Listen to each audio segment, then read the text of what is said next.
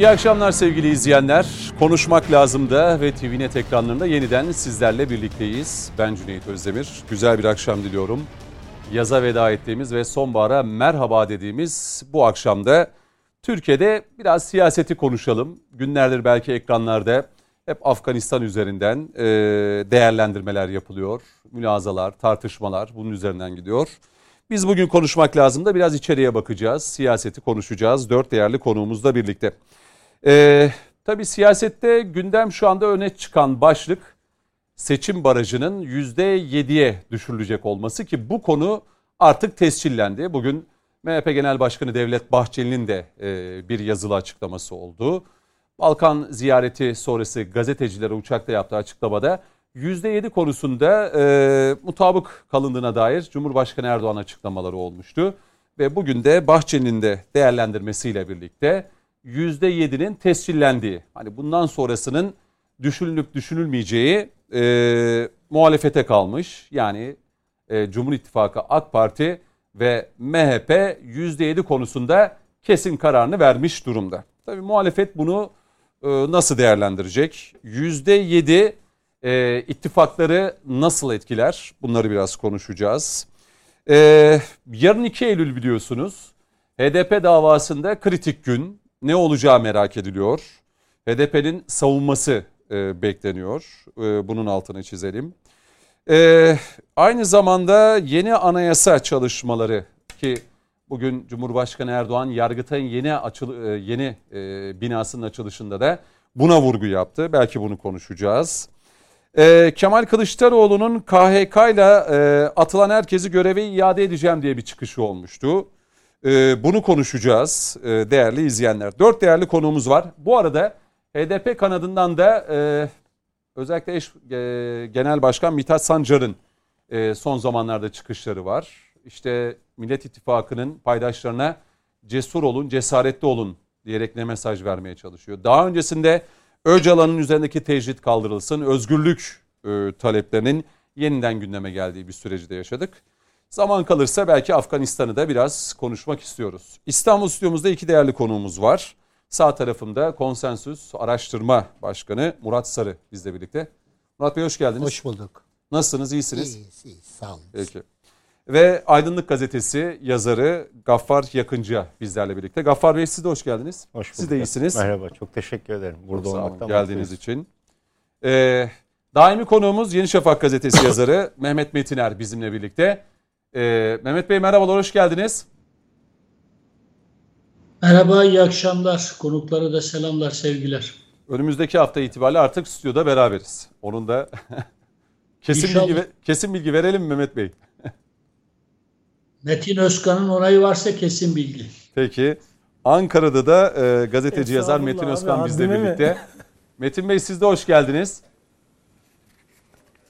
Çok teşekkür ediyorum. Ee, uzun zaman oldu aslında. Ee, Sayın Metiner'le aynı yayına denk gelemiyorduk. E, yaz bitti Arkadaki artık ne yapalım çok yani yaz bitince sonbahara merhaba diyoruz. Ee, çok Doğru, teşekkür doğru. ederim bir kez daha dört Doğru. konuma da Diğer geldiğiniz konuklara da Murat Bey'e, Gaffar Bey'e de iyi yayınlar diliyorum. Merhaba efendim, iyi yayınlar. için. Şimdi üç konuğumdan da e, izin isteyerek Murat Bey ile başlamak istiyorum. Çünkü e, siyasette e, konuşulan gündemin önündeki başlık seçim barajının e, %7'ye indirilecek olması. Tabii siyasi partiler kanunu, seçim barajının düşürülmesi, belki daraltılmış bölge pek çok şey tartışılıyor. Cumhur İttifakı bu konuda net bir karar vermiş durumda. Muhalefet bakalım itirazı ne olacak? Bu 5 olabilir mi? 3 olabilir mi? Belki muhalefet ki e, muhalefetin düşüncesi aslında seçim barajının tamamıyla kaldırılması yönünde. Kamuoyu araştırmacısı Murat Bey ile başlamak istiyorum 3 konumda izniyle. E, %7 e, gözler şimdi muhalefette.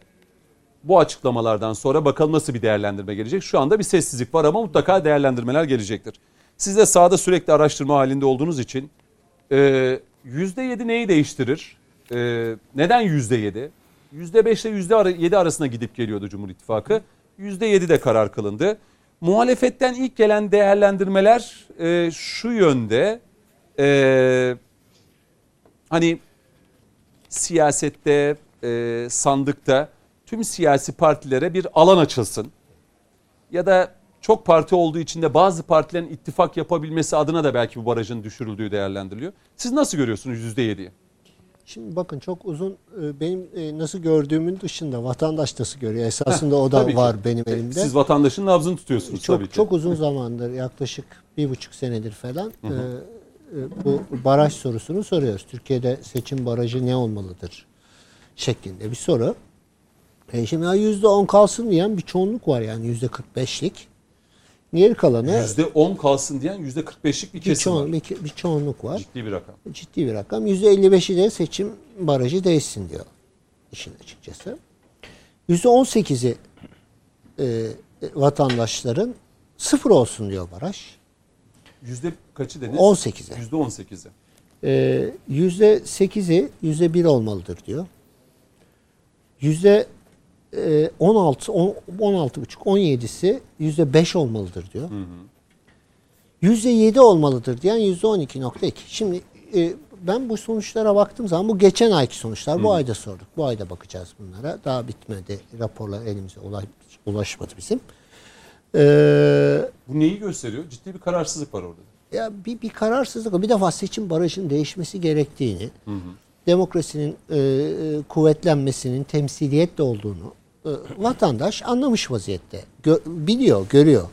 E, e, o, e, diğer kesim ise e, bir baktığınız zaman, incelediğiniz zaman e, çok siyasal davranıyor o kesim. Yani bu e, baraj aynı aynı seviyede kalsın diyenlerin e, %10'da kalsın diyenlerin ana sebebi ya benim partim nasılsa bakın AK Parti, MHP, CHP, e, HDP falan demiyor. Benim partim nasıl %10'u geçiyor. %10'da kalsın diyen bir %45'lik bir ama şimdi temsiliyeti düşünen de bir kesim var yani ülkede ki o da çoğunluğa, çoğunluğa geçmiş vaziyette. Bu yeni oldu. 3-4 aydır çoğunlukta. Esasında ya- yani bu ocağın e, başında baktığımız zaman e, baraj aynı şekilde korunmalıdır diyen %52 falan civarındaydı. E, Şimdi bir baktığımız kadarıyla e, Ama %52 yüksek bir oran. Bu seçmen nezdinde partisine oy veren seçmenin e, başka bir siyasi partinin yani bu, bu oran çok yüksek yani bunu bir, bunun ama açıklaması bunun olması açıklaması lazım. siyasal kutuplaşma. Yani Öyle mi? son- Şey sonuçta ama değil mi hocam? Yani %52 idi 45'e düştü. Öyle evet anlıyorum. 45'e söylediğini. düştü. Demek Bu ki o konuşulmaya başlandıktan sonra hem iktidar tarafından hem muhalefet tarafından konuşulmaya başlandıktan sonra 7 ay içerisinde işte bu o, o 8-9 puan geriye hala böyle bir kitle var yalnız. Şimdi durum bu. Barajda vatandaşın baraja bakış açısı bu. Ve e, bizim anketlerimizde genellikle e, ben de e, e, çok titizleniyorum ona. Cevap verme oranı çok yüksek. %98'lerde. Yani öyle ben kararsızım, cevap vermiyorum falan e, e, çok çok yüksek oranda değil. Benim elimde e, kesin işte seçimde gidip oy kullanacak adamların verisi mevcut şu aşamada. E, kullanmayacakları da bilmiyorum. E, tek dezavantajı bu durumun o. Yani kim kullanmayacak, e, seçime katılım ne kadar olacak falan ama tek dezavantajı da bu. Ama yani bu bunlar real e, seçmenin e, gidip oy kullanacak seçmenin real verileri. Ee, şimdi barajın aşağıya düşürülmesi bir defa bir, e, iktidar bunun farkında. Ee, temsiliyetin, meclis temsiliyetinin arttırılması gereksiniminin demokrasiye daha fazla yarar getireceğinin farkında. Peki %7'yi şu anda geçen Açık- kaç siyasi parti var? Son araştırmanızda. Var epey var. Epey var. Epey var. Yani 5-6 parti e, var. Şimdi ama şey o değil. E, Yüzde yediyi geçip gelmiyor. Fiili olarak baraj yok. Yani bir baktığınız zaman bir ittifakın kuvvetli bir Doğru. partinin Ama burada girdiğiniz parlamentodaki aritmetiği belirleme açısından yine yok. Bakın öyle mi? çok e, yani siyasal olarak ayrışmayan, e, çok net çizgilerle ayrışmayan partiler ittifaklaşır. Ve Tek parti atılımına girer. e, Seçim sonuçlandıktan yüz, sonra- yüzde yediyi geçer. Yani 8-9 tane parti bir araya gelse o küçük partiler de dahil bu, bu yüzde yediyi geçer. Yani bir baktığınız zaman yok. Ne yapıyor biliyor musunuz? İttifak siyasetin içerisindeki ittifak kavramını sağlamlaştırıyor bu baraj. Baraj. Eğer ben e, e, ittifak ortağımla girmezsem istediğim zaman bozarsam barajın altında kalırım. Bir sonraki seçime veya ba- e, bir, bir sonraki seçime e, meclise giremem veya bir sonraki seçime iktidarı alamam. İktidarın içinde olamam. E, veya kuvvetli olamam. Daha fazla milletvekili çıkar. Her iki taraf içinde bu böyle. Veya ben seçimi kazanamam dürtüsü. Siyasal olarak bu var. Ee, yani bir baktığınız zaman bu böyle. Ama aslında ne olması lazım? Yani benim şu, şu anda kendi Evet. öz düşüncem. Ben bana göre de e, seçim barajının sıfırlanması lazım. Yani çünkü e, Yüzde bir, yüzde iki, yüzde üç oy alacak olan partiler de olacaktır. E, tabii olacaktır. E, e, anayasamızda yazılı bu. Anayasamızda var. Temsiliyette e, yüksek e, şey e, yönetimde de istikrar. Yüksek temsiliyet ve yönetimde de istikrar e, şeklinde. Bu zaten anayasamızın içerisinde var. Tam şimdi şeyini yapamadım ama e, çok eminim var yani. Bu de- demokrasimizin tarifi bu zaten. Şimdi na- niye bu barajlar ortaya çıkmış e, vakti zamanında? E, yönetimde istikrarı sağlamak için. Artık bu sistemde yönetimde istikrarı sağlamanız da çok fazla gerekmiyor. Cumhurbaşkanlığı 50 artı hükümet birden. sistemi 50 artı bir sisteminde çok fazla da gerekmiyor. Zaten temsiliyet oluyor. Her türlü temsiliyet oluyor. Ondan dolayıdır ki bana göre yani benim bakışıma göre e, bu barajın sıfırlanmasında yarar vardır. Ki bir bırakalım, bir görelim. Baraj sıfır olduğu zaman kim kimle ittifak yapıyor, kim kimle ittifak yapmıyor. Yani bir de e, bir de öyle bir durum söz konusu veya yüzde bir yapın yani sembolik olarak Sembolik e, olarak. bir, bir bir şey bir yüzde bir o- o- olabilir. Ama yani şimdi bu sistemle yürüyen e, hiç mi hiçbir e, başkanlık sistemi içerisinde baraj yok. Bir baktığın zaman. Biz biz Ama tabii iki farklı seçimi göreceğiz. Yani bir cumhurbaşkanlığı seçimini bir de genel seçim yani. E, Ama bütün başkanlık seçim, bütün başkanlık sistemlerinde bu böyle iki tane ayrı seçim var. Mutlaka. Yani Ama e, hani hani, Fransa'da Cumhurbaşkanı diyelim, seçiyorsunuz, meclis Türkiye'de- seçiyorsunuz. Türkiye'deki Orada başkan da belki o var da yarı başkanlık o. e, Cumhurbaşkanlığında başka bir isme verip parlamento milletvekili seçiminde belki başka bir partiye Yani de niye böyle bir istikrarsızlığı istesin e, seçmen?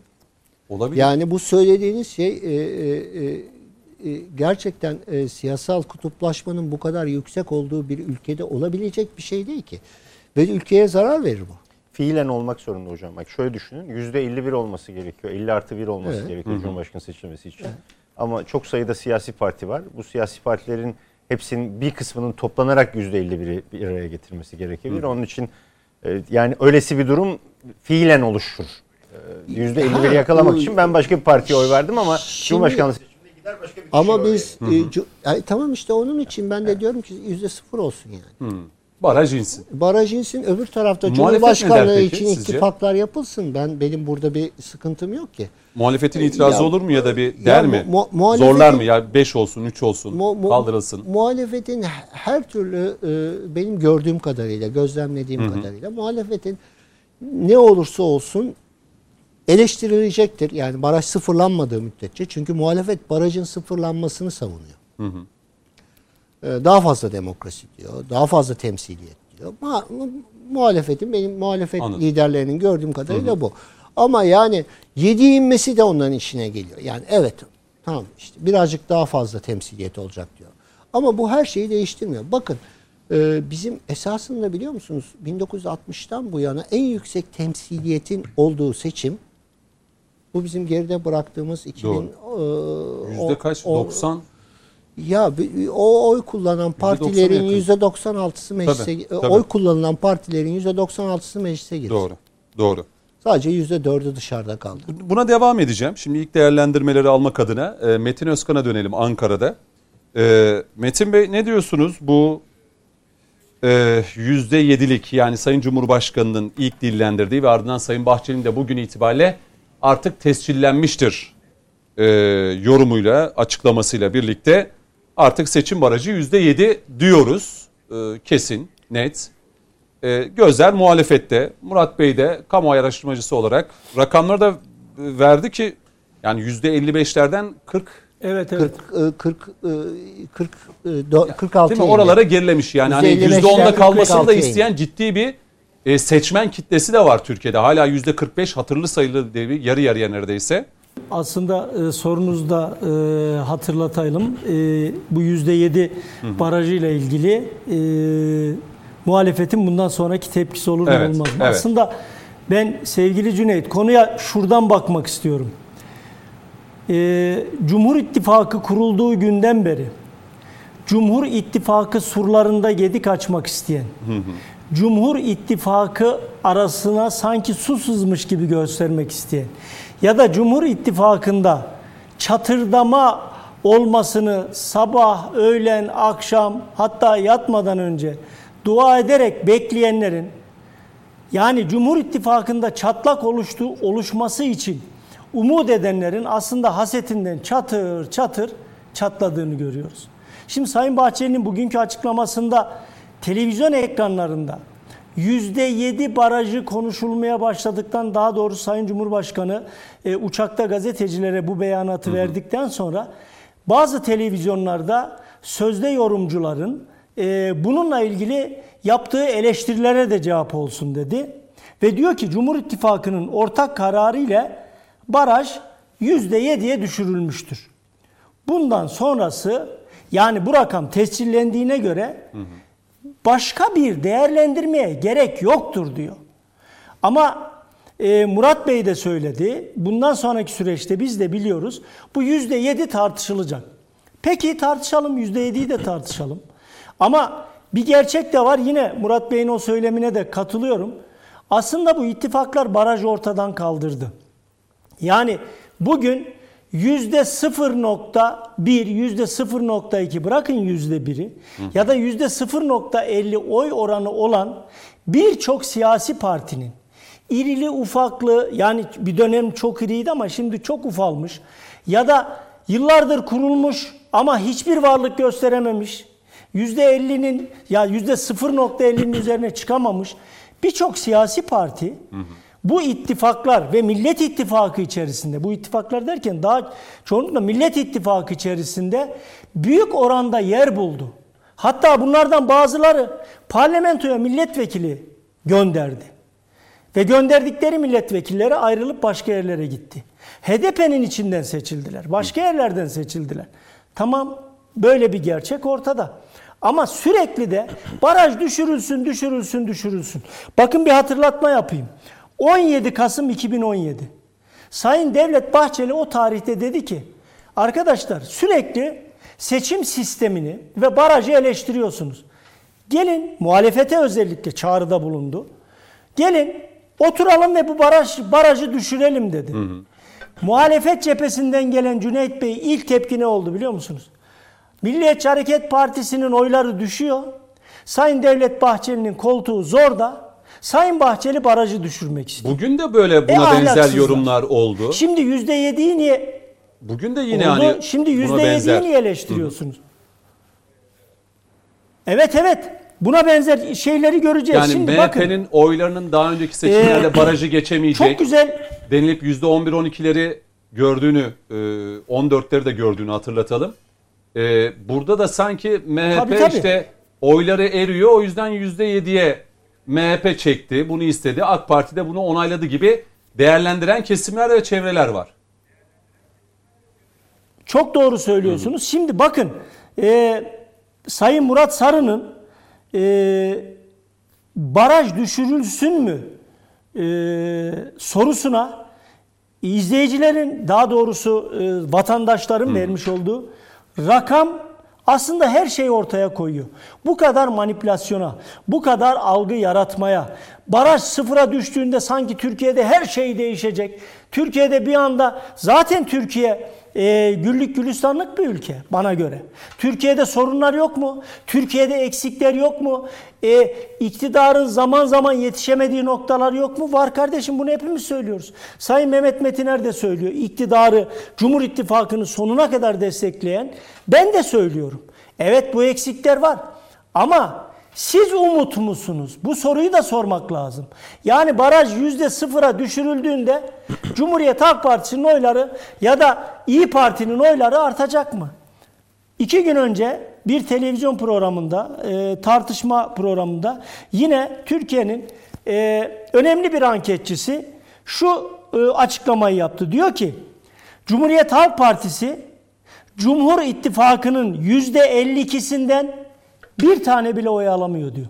Evet, Cumhur İttifakı'nın oylarında, iktidarın oylarında biraz azalma var. E bu kadar yıpranmışlığa rağmen normal.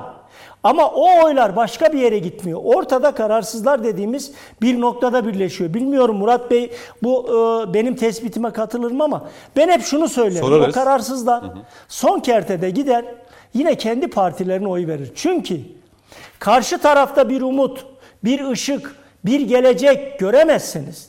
Şimdi Millet İttifakı'nı dinliyoruz. Millet İttifakı ne diyor? Cumhurbaşkanı diktatördür. Cumhurbaşkanı sömürge valisidir. Cumhurbaşkanı Netanyahu gibidir. Hatta daha da ileri gidip geçtiğimiz günlerde bu kadar bir ülkenin cumhurbaşkanına yani nasıl böyle bir şimdi şöyle Taliban'ın cisimleşmiş hali demek yani neyi kastediyorsunuz? Ne demeye çalış? Önce Taliban'ı terör örgütü olarak tanımlıyorsunuz. Taliban bir kanlı terör örgütüdür. Bu ülkenin Cumhurbaşkanı Recep Tayyip Erdoğan da onun cisim bulmuş halidir diyerek ülkenin Cumhurbaşkanına terörist diyorsunuz.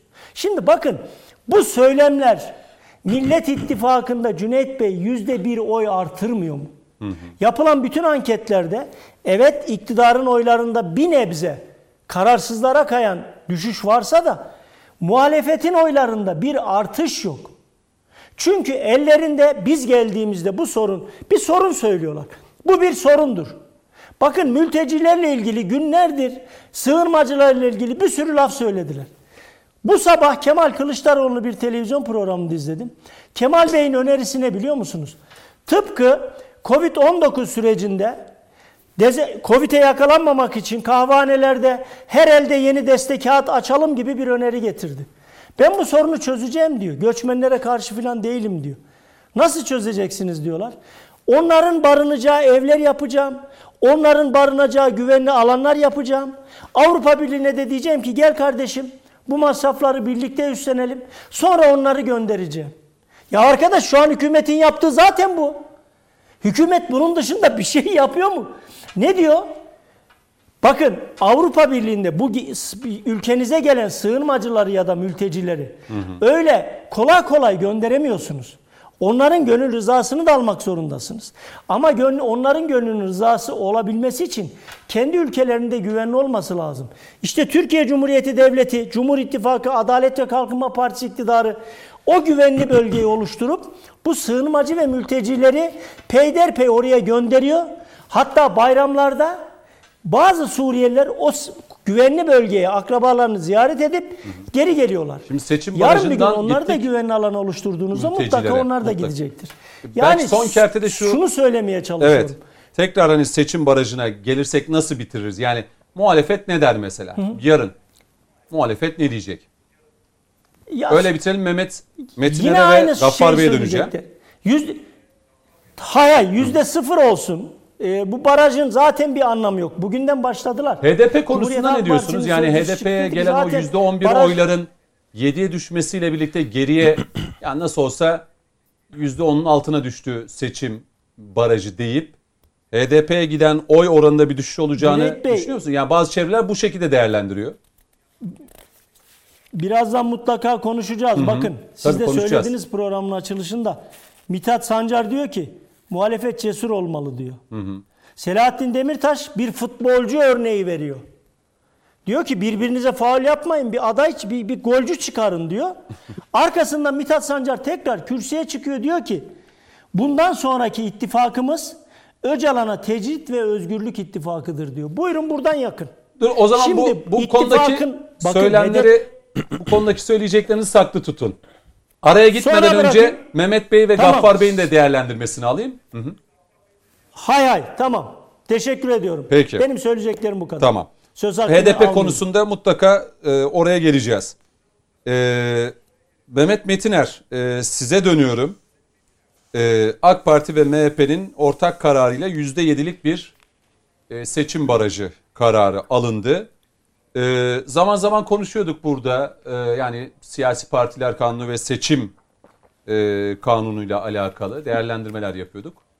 Geldiğimiz nokta itibariyle bu seçim barajı. Tabii siyasi partiler kanunun nasıl olacağı bu da merak ediliyor ama seçim barajı hakkındaki düşünceniz nedir? Yani bir demokrat olarak benim için iki şey çok anlamlı ve değerlidir. Bir, yönetimde istikrar. iki temsilde adalet. Yönetimde istikrar sorunumuzu çok şükür çözdük. Şimdi temsilde adalet ve de bir başka deyişle demokratik temsiliyete olabildiğince geniş alan açan yeni bir düzenlemeye gitmemiz gerektiğine inanıyorum. Bırakalım partiler sayısal güçleriyle orantılı olarak mecliste temsil edilsinler. Bir eksik bir fazla bunun çok fazla önemli olduğunu zannetmiyorum. Meclis dışında kalan partiler demokratik siyaset açısından, demokratik temsil açısından sorun oluştururlar. Ayrıca gereksiz bir takım ittifaklarla birlikte gerilimi de çoğaltan, düşmanlığı da çoğaltan e, bir yeni zeminin oluşmasına da katkı sağlanır. Buna hiç gerek yok. Ya bu yüzde yedi mi olur, beş mi olur, sıfıra mı iner? Ee, ama ben her halükarda, her halükarda ittifaklar yapmadan da kurulan yeni partilerin, kurulacak olan yeni partilerin kendi cesametlerine uygun bir biçimde mecliste de temsil edilmeleri gerektiğine inananlardanım. Bunun e, teknik formülasyonu nasıl yapılır? Bunu siyasal partilerimiz otursunlar, konuşsunlar. Bir dönem yüzde on barajı Refah Partisi meclise girmesin diye çıkartılmıştı. Sonra HDP meclise girmesin diye çıkartılmıştı. Vatandaşlar tepki gösterdiler. Refah Partisi'ni de HDP'yi de meclise taşıttılar. Şimdi deniliyor ki yüzde yediye indirirsek HDP'ye giden oylarda düşüş olur mu? Bunu bu şekilde konuşmaya başladığınız andan itibaren zaten siz HDP'nin değirmenine su taşıyorsunuz demek. Bu niye HDP üzerinden konuşuyoruz, tartışıyoruz? Niye HDP'ye oy veren seçmenleri e, gayri gibi gördüğümüzü e, bir şekilde belirtmeye ihtiyacı hissediyoruz. Buna gerek yok ki. Yani bir düzenleme yapılırken şunlar meclise şu kadar girsin, bunlar giremezsin şeklinde bir anlayışla düzenleme yapıldığı söylenebilir mi yani? Bu doğru değil bir defa. Yani bir vatandaş olarak da demokrasiden yana olan, demokratik temsilden yana olan bir vatandaş olarak da AK Partili olmaktan onur duyan, bu iktidarı, Cumhur İttifakı'nı herkesten çok, herkesten önce belki daha fazla savunan biri olarak söylüyorum bunu. Bu HDP tartışmasını çok anlamsız ve gereksiz, HDP'yi de siyaseten güçlendirecek bir zeminden artık çıkartmamız lazım yani. Peki. Eskiden refah, refah üzerinden bunu yapıyorlardı. Bunu yaşadık yani. Hı hı. Refah'ın il başkanlığı, Büyükşehir Belediye Başkanlığı'nı yapan liderimiz, Cumhurbaşkanımız bunu gördü zaten. Yani yüzde on barajı Refah Partisi'nin meclise girmesini engellemek için kurulan bir baraj sistemiydi. Gerek var mıydı buna? E şimdi HDP yüzde on barajını işte açtırdılar. Vatandaşlar şunu söylediler. Evet PKK'dan memnun değiliz bir terör örgütüdür. Ama bir şekilde bir şekilde Kürtlerin sesini de tırnak içinde ki bence HDP asla bir Kürt partisi değildir. O bahsi diğerdir şu an.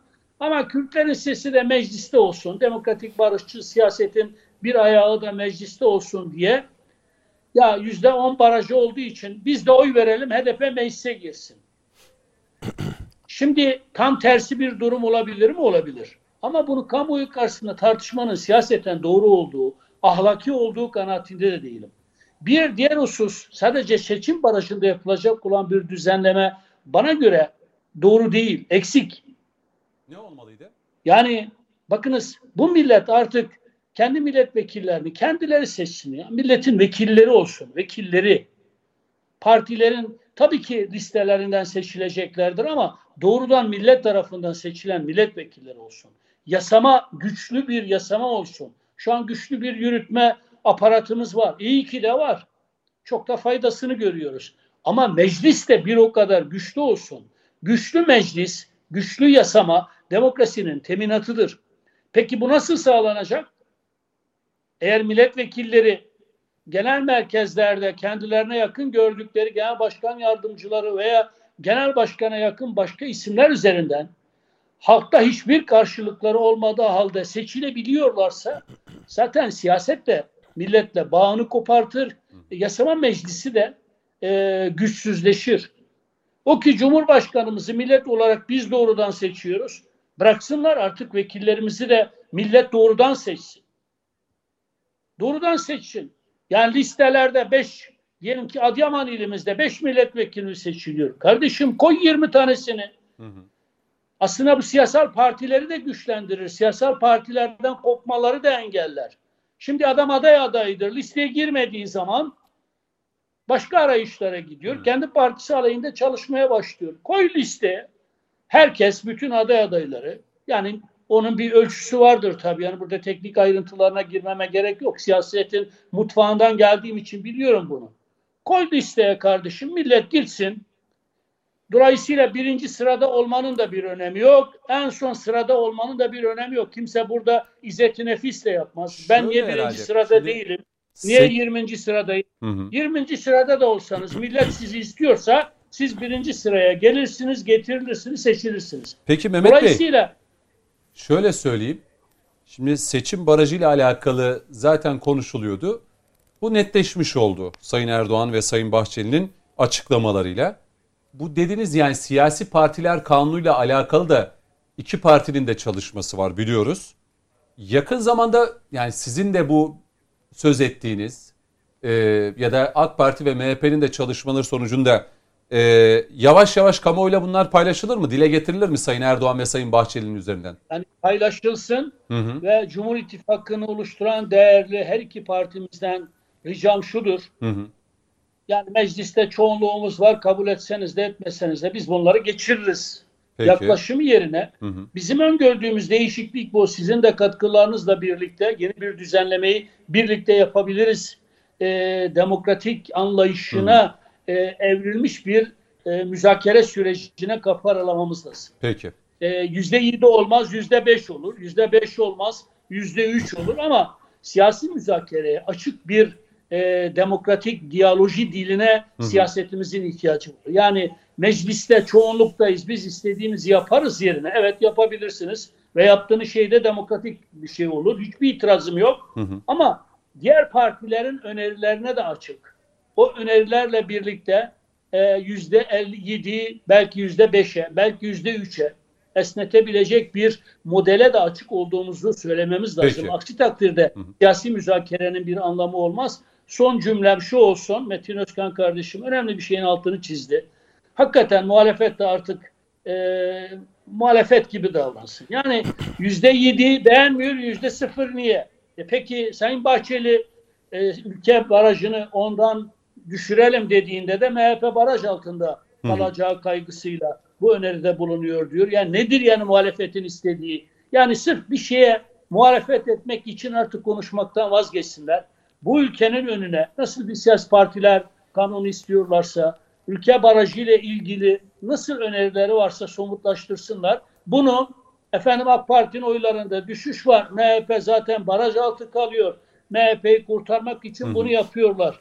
E, MHP'yi kurtarmak için bunu yapıyorlarsa siz niye yüzde sıfır istiyorsunuz ki yani o zaman? Siz de MHP'nin değirmenine su taşımış oluyorsunuz. MHP'yi baraj altı bırakmak mı istiyorsunuz? Bu kadar mı MHP'den rahatsızsınız? Muhalefet partili olarak rahatsız olmanızda hiçbir sakınca görmeyiz ama yüzde onu deyin, deyin ki yüzde on beş olsun. MHP de baraj altında kalsın. Peki. Onun için böyle kısır siyasi tartışmaların Hı hı. konusu yapmadan bu siyasal düzenlemelerin demokratik anlayışa, demokratik temsile uygun bir biçimde düzenlenmesi gerektiğine inanıyorum. Peki. Gaffar Bey araya gitmeden önce size Evet, vereceğim. Öncelikle Yeni bölüme başlarken de sizle başlayacağım. Böyle tekrar Okey, kısa tutayım Hı hı. ben. Şimdi küçük bir ta- 6-7 dakikamız var. küçük Buyurun. bir tasih yaparak başlayayım. Ee, Mehmet Bey aslında söyledi daha doğrusu bir ek yapayım. hı. Evet baraj bazı siyasi aktörlerin meclise girmesini engellemek için kullanıldı ama çıkış tarihi 1983'tür. 2839 sayılı yasa ile çıktı. Yani aslında bu 12 Eylül faşizminin Türk demokrasisine sapladığı bir bıçak. Yüzde beşle başlamıştı. Ee, %10'la başlıyor. Yo yo Turgut Özal yapıyor. Yüzde beş Evet. ba- ba- 2839 sayılı yasa 1983 tarihinde Yüzde ilk beş baraj şeyi. Tabii haklısınız. Sonra da %10'a çıkıyor. yüzde on barajı Refah Partisi için getirdi. Evet haklısınız. Ben ona ek yaptım. Evet. Tasih e, şeyi yanlış oldu. Doğrusunu şey. Yani 83'te aslında bu e, demokratik temsile yönelik bir hamle. Nitekim sizin söylediğiniz gibi Mehmet Bey'in söylediği gibi de kullanıldı. Yani sistem mecliste temsil edilmesini istedi, istemediği partileri seçti. A partisi, B partisi bu girmesin meclise de bunu kullandı. Dolayısıyla baraj prensip olarak demokratik temsilin önünde bir, önünde bir engel. Şimdi iki, iki tane sivri uç var. Bir tarafta istikrar var. istikrara ihtiyacımız var. Öbür tarafta demokratik temsile ihtiyacımız var. Şimdi yeni düzen, yeni düzenleme, yeni yönetim biçimimiz zaten istikrar konusunu güvence altına alıyor. Yani yürütmede Cumhurbaşkanlığı yönetim sistemi ya da başkanlık sistemi adını öyle de söyleyebilirsiniz. Zaten bunu güvence altına alıyor. Dolayısıyla şu noktadan sonra artık demokratik temsiliyetin sonuna kadar önünü açmanın önünü açmakta hiçbir beis yok. Açabilirsiniz yani. %7'ye indirmek olumlu bir adım. %5'e de inebilir. Benim gönlümden geçen prensip olarak %1'e inmesidir. Çünkü dünyada gelişmiş demokrasilere baktığımızda %1 gibi sembolik bir barajı seçtiklerini çünkü %1'in şöyle bir anlamı da var. Ülke genelinde sizin temsilinizi de gösteren bir şey, bir oran. E, Yani ben bir efendim ben herhangi bir örgüt kurdum, bir dernek kurdum, hadi meclise giriyorum demenizin önüne geçen bir şey. E, Burada özellikle Mehmet Bey'in söylediği bir nokta var. Ben oranın altını çizmek istiyorum. Yani tekrara düşmemek için onu söyleyeyim. E, Bakın şimdi bu barajı koyduğunuzda oraya bağlayacağım. Barajı koyduğunuzda baraj sadece şu işe yaramıyor. Yani matematiksel olarak bir temsilin önünü kesen bir çıta olmuyor. Aynı zamanda baraj baskısı oluşuyor seçmen üzerinde. Seçmen ya benim gönlüm aslında A partisinden yana fakat bu barajı geçemez gideyim B partisine vereyim oyumu diyor. Yani böyle bir baskıyla karşılaşıyorsunuz. Şimdi CHP'nin %25'e sabitlenmiş bir oyu var. Yani CHP %20-25 aralığında dünyanın en kötü yönetimi yani ya da CHP tarihinin en kötü yönetimi gelse bile %22-23'ün altına inmiyor CHP. Yani bu kadar CHP'ye inanmış bir seçmen mi var burada? Böyle olmadığını biliyoruz. Pek çok alternatif var. Cumhuriyet Halk Partisi içinden çıkan partiler var. Ama Pek çok meclis dışında alternatifler kaldığı var. dönemde hatırlıyoruz. Tabii yani Sosyal Demokrat Halkçı Parti de vardı. Bak, Yani Sosyal Mesela Demokrat cenahı düşünün. dönemde bir dönem. Şimdi şöyle düşünün. Yani %25 garanti nasıl olsa bakın şimdi Cumhuriyet Halk Partisi'nin başındaki yönetime bakın. Dikkatli bakın. Genel başkan, efendim üst yönetim, danışmanlar, il yöneticileri. Şimdi, bu, şimdi Cumhuriyet Halk Partisi Atatürk tarafından kurulmuş parti. E, Cumhuriyet'in kurucu partisi olarak biliniyor değil mi? Şimdi bütün o yönetimin Cumhuriyet Halk Partisi'nin kuruluş ideolojisiyle ilgisi yok kuruluş ideolojisinin dışındaki her türlü adımı gayet fütursuzca atıyorlar. Neye güvenerek yapıyorlar bunu? Baraja güvenerek yapıyorlar. Nasıl Diyorlar ki bizim nasıl olsa nasıl olsa bizden vazgeçemeyecekler. Yani mesela şimdi Muharrem Bey bir parti kurdu. Muharrem İnce çıktı Cumhuriyet Halk Partisi'nin o üstelik belirgin bir figür, kuvvetli bir figür. Şimdi %10 barajı kaldığı sürece Muharrem Bey'in siyaseten meclise temsil edilmesi riskli. Neden? Çünkü Cumhuriyet Halk Partisi'nden kendi seçmeni vazgeçmeyecek. Murat Bey'e belki Dolayısıyla bu ikinci bölümde. Hani Muharrem bu İnce'yi diğer özür dilerim ben genel... yani bir istatistik bilerek Tabii, söylemiyorum. Ben bir oran bilerek söylemiyorum. Ben bugüne kadar yaşananı değerlendiriyorum. Bugüne kadar %7 neyi değiştirecek Gaffar Bey? Yani Yüzde, yüzde yedi şu 3 puan kolaylaştırır işi. tamam. Bak işi 3 puan kolaylaştırır. Mesela %7'yi aşan kaç tane parti var diye Murat Bey'e sorduğumda 5-6 partiydi. AK Parti, 5-6 da az değil. MHP, 6 da CHP, İyi HDP. Parti, HDP 5. Altıncısı? Var mı? Olabilecek var. Kim? O kadar. O kadar. Pe- pe- Altıncısı. Şimdi pek de pek de belli olmaz. Yani 5 seçim, şu an 5. seçim mahfiline girince, Altıncı partiyi ben bilmiyorum. seçim mahfiline girince işler değişir. zorlama. Pek de Yani belli olmaz. 5 Sevgili parmağını geçmiyor. Şimdi bu baraj baskısı bir defa belirli siyasi örgütlerin demokratik sistemi tıkamasına yol açıyor. Ben örneği verdim. Örnek CHP'dir dedim. Örneği veriyorum. Bak. Yani kendi bildiğim bir siyasi kanalı değerlendiriyorum şu anda. İkincisi Mehmet Bey'in işaret ettiği başka bir şey var. Parti ve lider baskısı. Yani demokratik sistemin üzerine gölge düşüren başka bir şey var. Şimdi milletvekilleri seçiliyor. Bence asıl bunu tartışmalıyız. Barajdan daha önemli olan kısım burası. listeler geliyor. Blok Tabii yani her şey geliyor. hazır. Siz gidiyorsunuz. Yani kaba tabirle söylüyorum. Kuzu kuzu oyunuzu veriyorsunuz. Kim o listeye yazıldıysa o meclise gidiyor. Halbuki önünüzde sizin 20 tane, 25 tane, 30 tane her neyse yani sistem neye müsait. Var. Seçim. Bir seçenek olsa. Ön seçim ya da Ön seçim olabilir. Yani çeşitli aygıt- Amerika'daki gibi bir çeşitli aygıtlar bulunabilir. Türk demokrasisi artık gelişkin. Yani Türk demokrasisi üzerindeki vesayet kurumları ortadan kalktı. Biz artık bunları rahat rahat konuşabilecek durumdayız.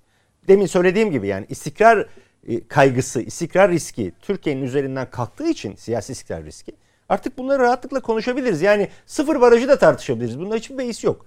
Ama bu tartışma tabii şöyle yapılacaksa efendim yok MHP'nin oyu düşüyor. İşte efendim Cumhur İttifakı kaybediyor. HDP Ya- %11'lerden. Ya şimdi e, affedersiniz ama biz de rakamlara bakmayı biliyoruz yani. Biz de biz de rakam okuyoruz yani. Ve yani bu bunu söyleyenlerin önüne gelen rakamlar bizim de önümüze geliyor. Bunu bir kenara bırakmamız lazım. Ön yargısız bir şekilde. Nasıl şimdi Mehmet Bey demin söyledi yani iktidar iktidarı oluşturan parti, iktidar e, bloğu bu bizim nasıl olsa yeterli oyumuz var. Efendim biz istediğimiz olur demesin. Yani bir konsensüs oluştursun. Demokratik sisteme uygun bir hareket tarzı geliştirsin. Aynı şekilde muhalefetin de bunu yapması lazım. Bu sadece iktidarın sorumluluğu değil. Muhalefet de her hamleyi iktidarın efe ayağını kaydırmak, boş yerini bulmak gibi bir mantıkla değil de gerçekten Türkiye demokrasisine kalıcı ne yapılabilir? Ne hizmet yapılır? Bakın 1983'te çıkmış baraj denilen şey icat edilmiş. E 1983 geldik 2021 yılına. Yani 30 senedir bu ülkenin bağrında bir baraj bıçağı var. Çıkaramamışız. Peki. Burada bu- bir bu kadar araya, bitelim, evet. Araya gidelim. İlk araya verelim değerli izleyenler. E, dönüşte belki Murat Bey'in de e, son bir görüşlerini alacağım. Belki benim de birkaç sorum olacak. Ardından diğer başlıklara geçeceğiz. HDP konusu var. Yarın 2 Eylül savunma verilecek. E, adaylar hususunda sürekli bir tartışma var. Özellikle Millet İttifakı'nda. HDP'nin açıklamaları var. E, bir ara diyelim. 6-7 dakika sonra tekrar karşınızdayız.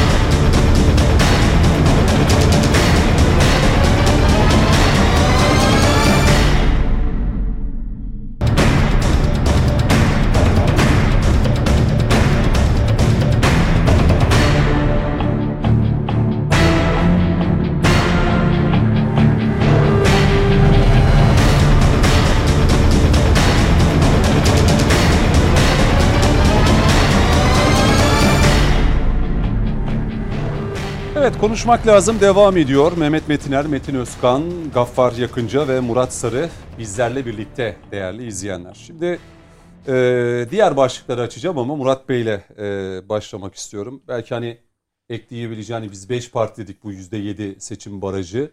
E, başka bir 6. parti, 7. parti olabilir mi? Belki bazı Yeni partilerin ittifaklar bir, ortaya çıkar mı diye. e, birleşme olasılığı olabilir. Bir seçime giderken falan öyle onlara bir baktığınız zaman e, o sinerjiyle e, 6. parti olabilir, 7. parti de olabilir. Yeni bir ittifaktan bahsedebilir miyiz? Ha, neden Yani olmasın herhangi bir ya? siyasi Bakın, partinin önderlik yapacağı Siyasette e, listeleri verdiğiniz güne kadar her şey olabilir. Yani listeleri götürüp Yüksek Seçim Kurulu'na verdiğiniz güne kadar her şey o oraya gidebilir, o bir şeye gidebilir. Yani onu seçim sattım haline girmeden göremeyeceğiz işin açıkçası ki çünkü pek çok parti var. Yani pek çok parti var. Bu pek çok parti belki e, iki alıyor, üç alıyor.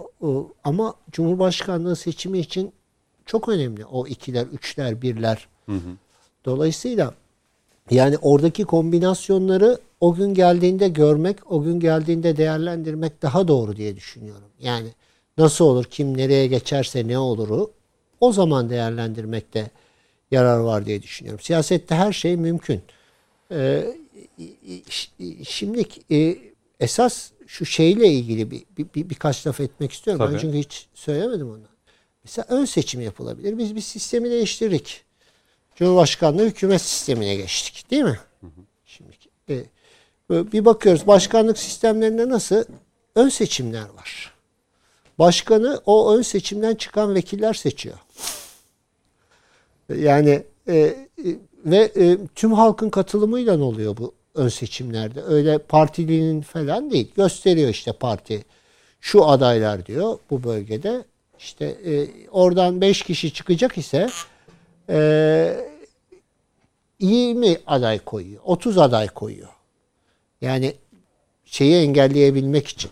Ondan sonra orada ön seçimini yapıyor. Bütün vatandaşları diyor ki gelen oyunu kullanan kullanıyor, kullanmayan kullanmıyor ön seçimde. Ve oradan çıkan vekiller üzerinden e, bunlar daha sonra birleşiyorlar. E, adaylarını, başkan adaylarını bizde de, bizde de bu Cumhurbaşkanı adayı olabilir. Ve dolayısıyla e, milletvekillerini böyle bir sistem Mehmet Bey'in söylediği de çok e, akla yakın bir şey. Yani koy işte 30 tane milletvekili kim aday olmak istiyorsa onun kriterlerini koy koy. E, o, o, o da düzgün bir şey. Vatandaş istediğini seçsin.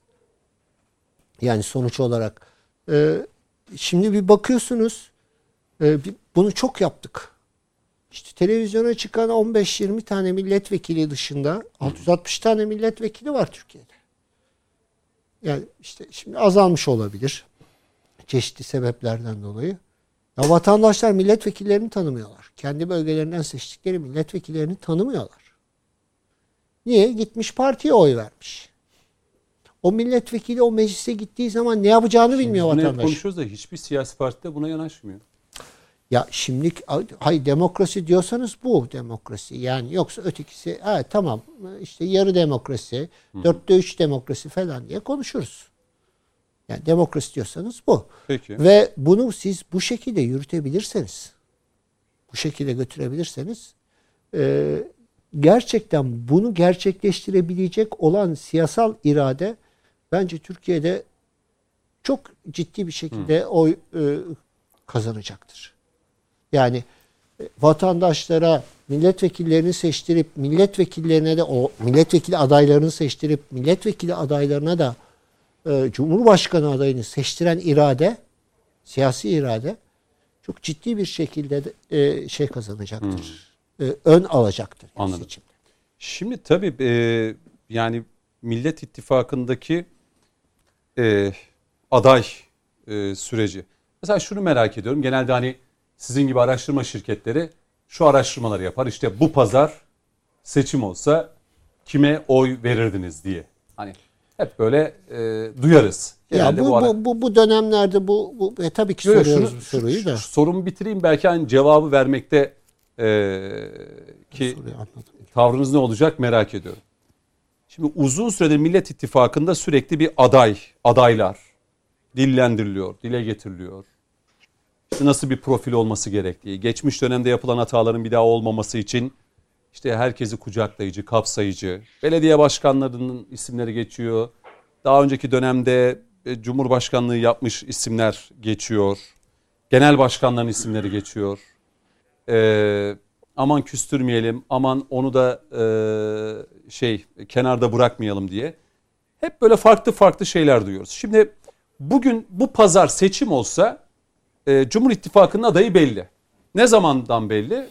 Birkaç yıl öncesinden belli. Yani daha doğrusu 2015. Geçen seçimden beri belli. E, tabii. Hatta e, 13 şöyle Ekim söyleyeyim. 2020. Heh, 2020 ama öncesine de 13 gidiliyor. Ekim Yani yeni, kapı, 2020. yeni kapıda oluşan bir ruh da vardı. Hani o 15 Temmuz darbe girişiminden sonra AK Parti ve MHP e, bir Cumhur İttifakı ruhunu ortaya koydu ve e, Recep Tayyip Erdoğan adayımızdır diye. MHP de bunu dile getirdi. Ba- Sayın Bahçeli de. Ya ilanı e, Metin Özkan'ın söylediği Evet, zaman tabii 2020. mutlaka. Ama şunu Ha, söylüyorum. ondan öncesi de var. Bu yani. pazar diyelim ki seçim oldu. Sayın Bahçeli ve Sayın Cumhurbaşkanı Erdoğan çıktı. Belki ikisi yan yana ama 3 hafta sonra şu pazar günü seçim var. Parlamentoda feshediliyor. Cumhurbaşkanı da geride kalan o bir buçuk iki yıllık şeyi elinin tersiyle itiyor. Muhalefetin adayı kim? Kim olur? Ya diyelim ki iktidar bunu yaptı. Cumhur İttifakı bunu yaptı. Ya çok ciddi bir Ya şekilde hazırlandıklarını bu biliyorum. belirsizlik e, Millet İttifakı'na oy veren seçmeni rahatsız ediyor mu? Mesela ben bilmiyorum. Bu pazar seçim olsa, 3 hafta sonra pazar günü seçim olsa Millet İttifakı'nın adayı kim? Ya Millet İttifakı'nın sözcüleri bunu sürekli tarif ediyorlar zaten. Yani işte Tamam tarifi işte biliyoruz devleti da. tanıyacak, işte şu- şunu yapmayacak, bunu yapacak. Yani böyle uzun bir tarifleri var.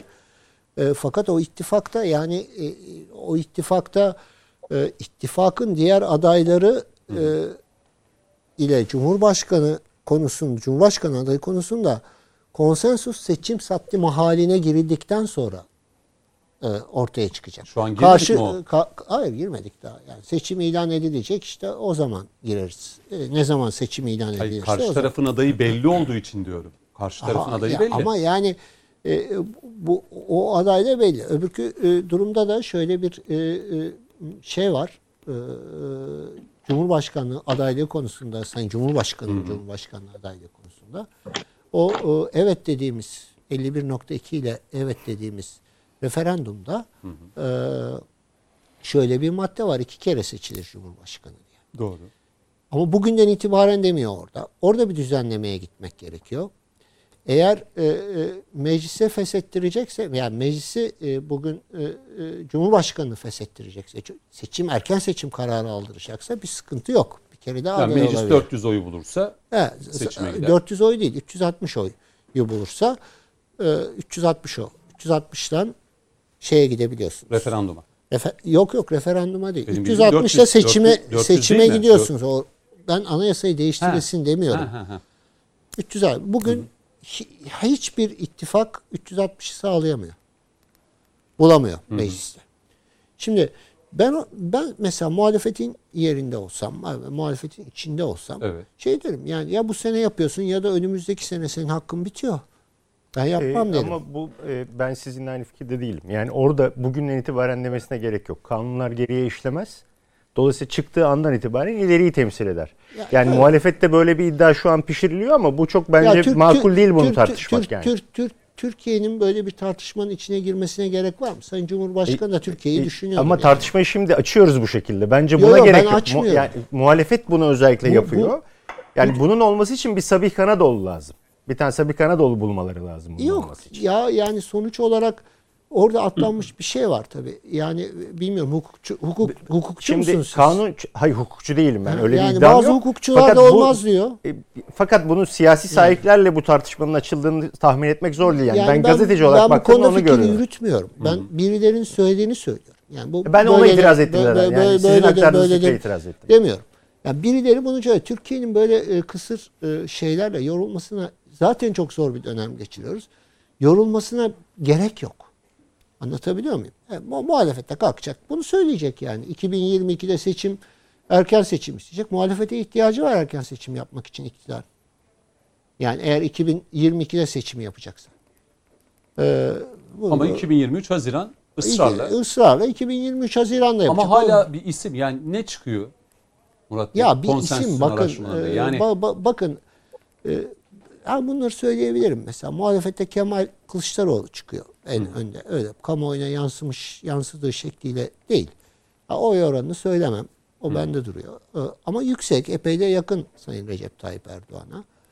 E, Kemal Kılıçdaroğlu çıkıyor. E, yani en önde birinci sırada. muhalefetin birinci sırası. Muhalefetin birinci sırasında. Kendi aralarında bir. Kendi kendi aralarında. Yani e, ki e, bütün söylemleri de onu gösteriyor. Ben işte şeylerime soracağım diyor ama ortaklarıma soracağım. ittifak ortaklarıma soracağım diyor ama yani onu gösteriyor. Her bir e, adayın bir dezavantajı var. Çünkü o e, e, iki yapılı ve bir, bir yap, o iki yapılı bir ittifak değil o.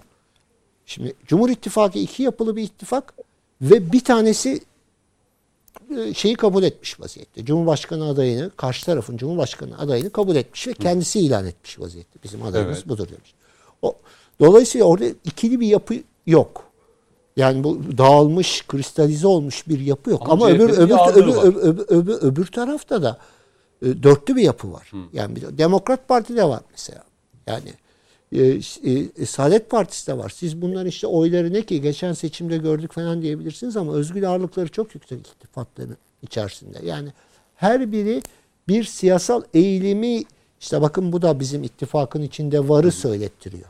Peki günün sonunda hani yıllardır da bu işi yapıyorsunuz. İsim olarak kim çıkar?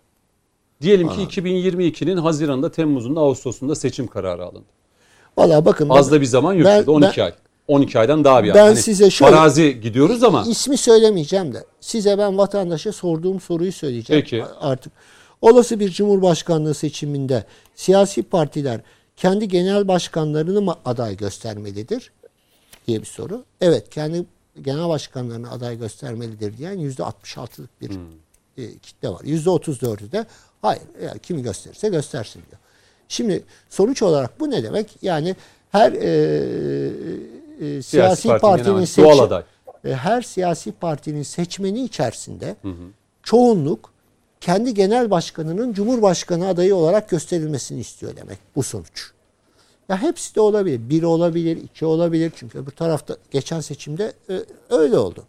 İkinci tura kim kalırsa onunla devam edilebilir.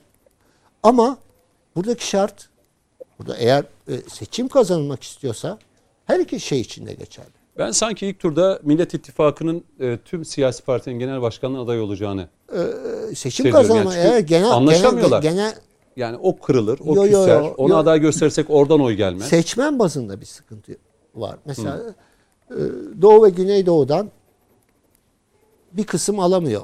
E, ba- Bazı genel başkanlar oy alamıyor. İşte bazı genel başkanlar oy alıyor. Ama İstanbul'un o, o Doğu ve Güneydoğu'dan İstanbul'a gelmiş kitlesinden işte bir çok yüksek derecede ismi geçen genel başkanlar alıyor. Yani bölgesel farklılıklar çok ön plana çıkıyor.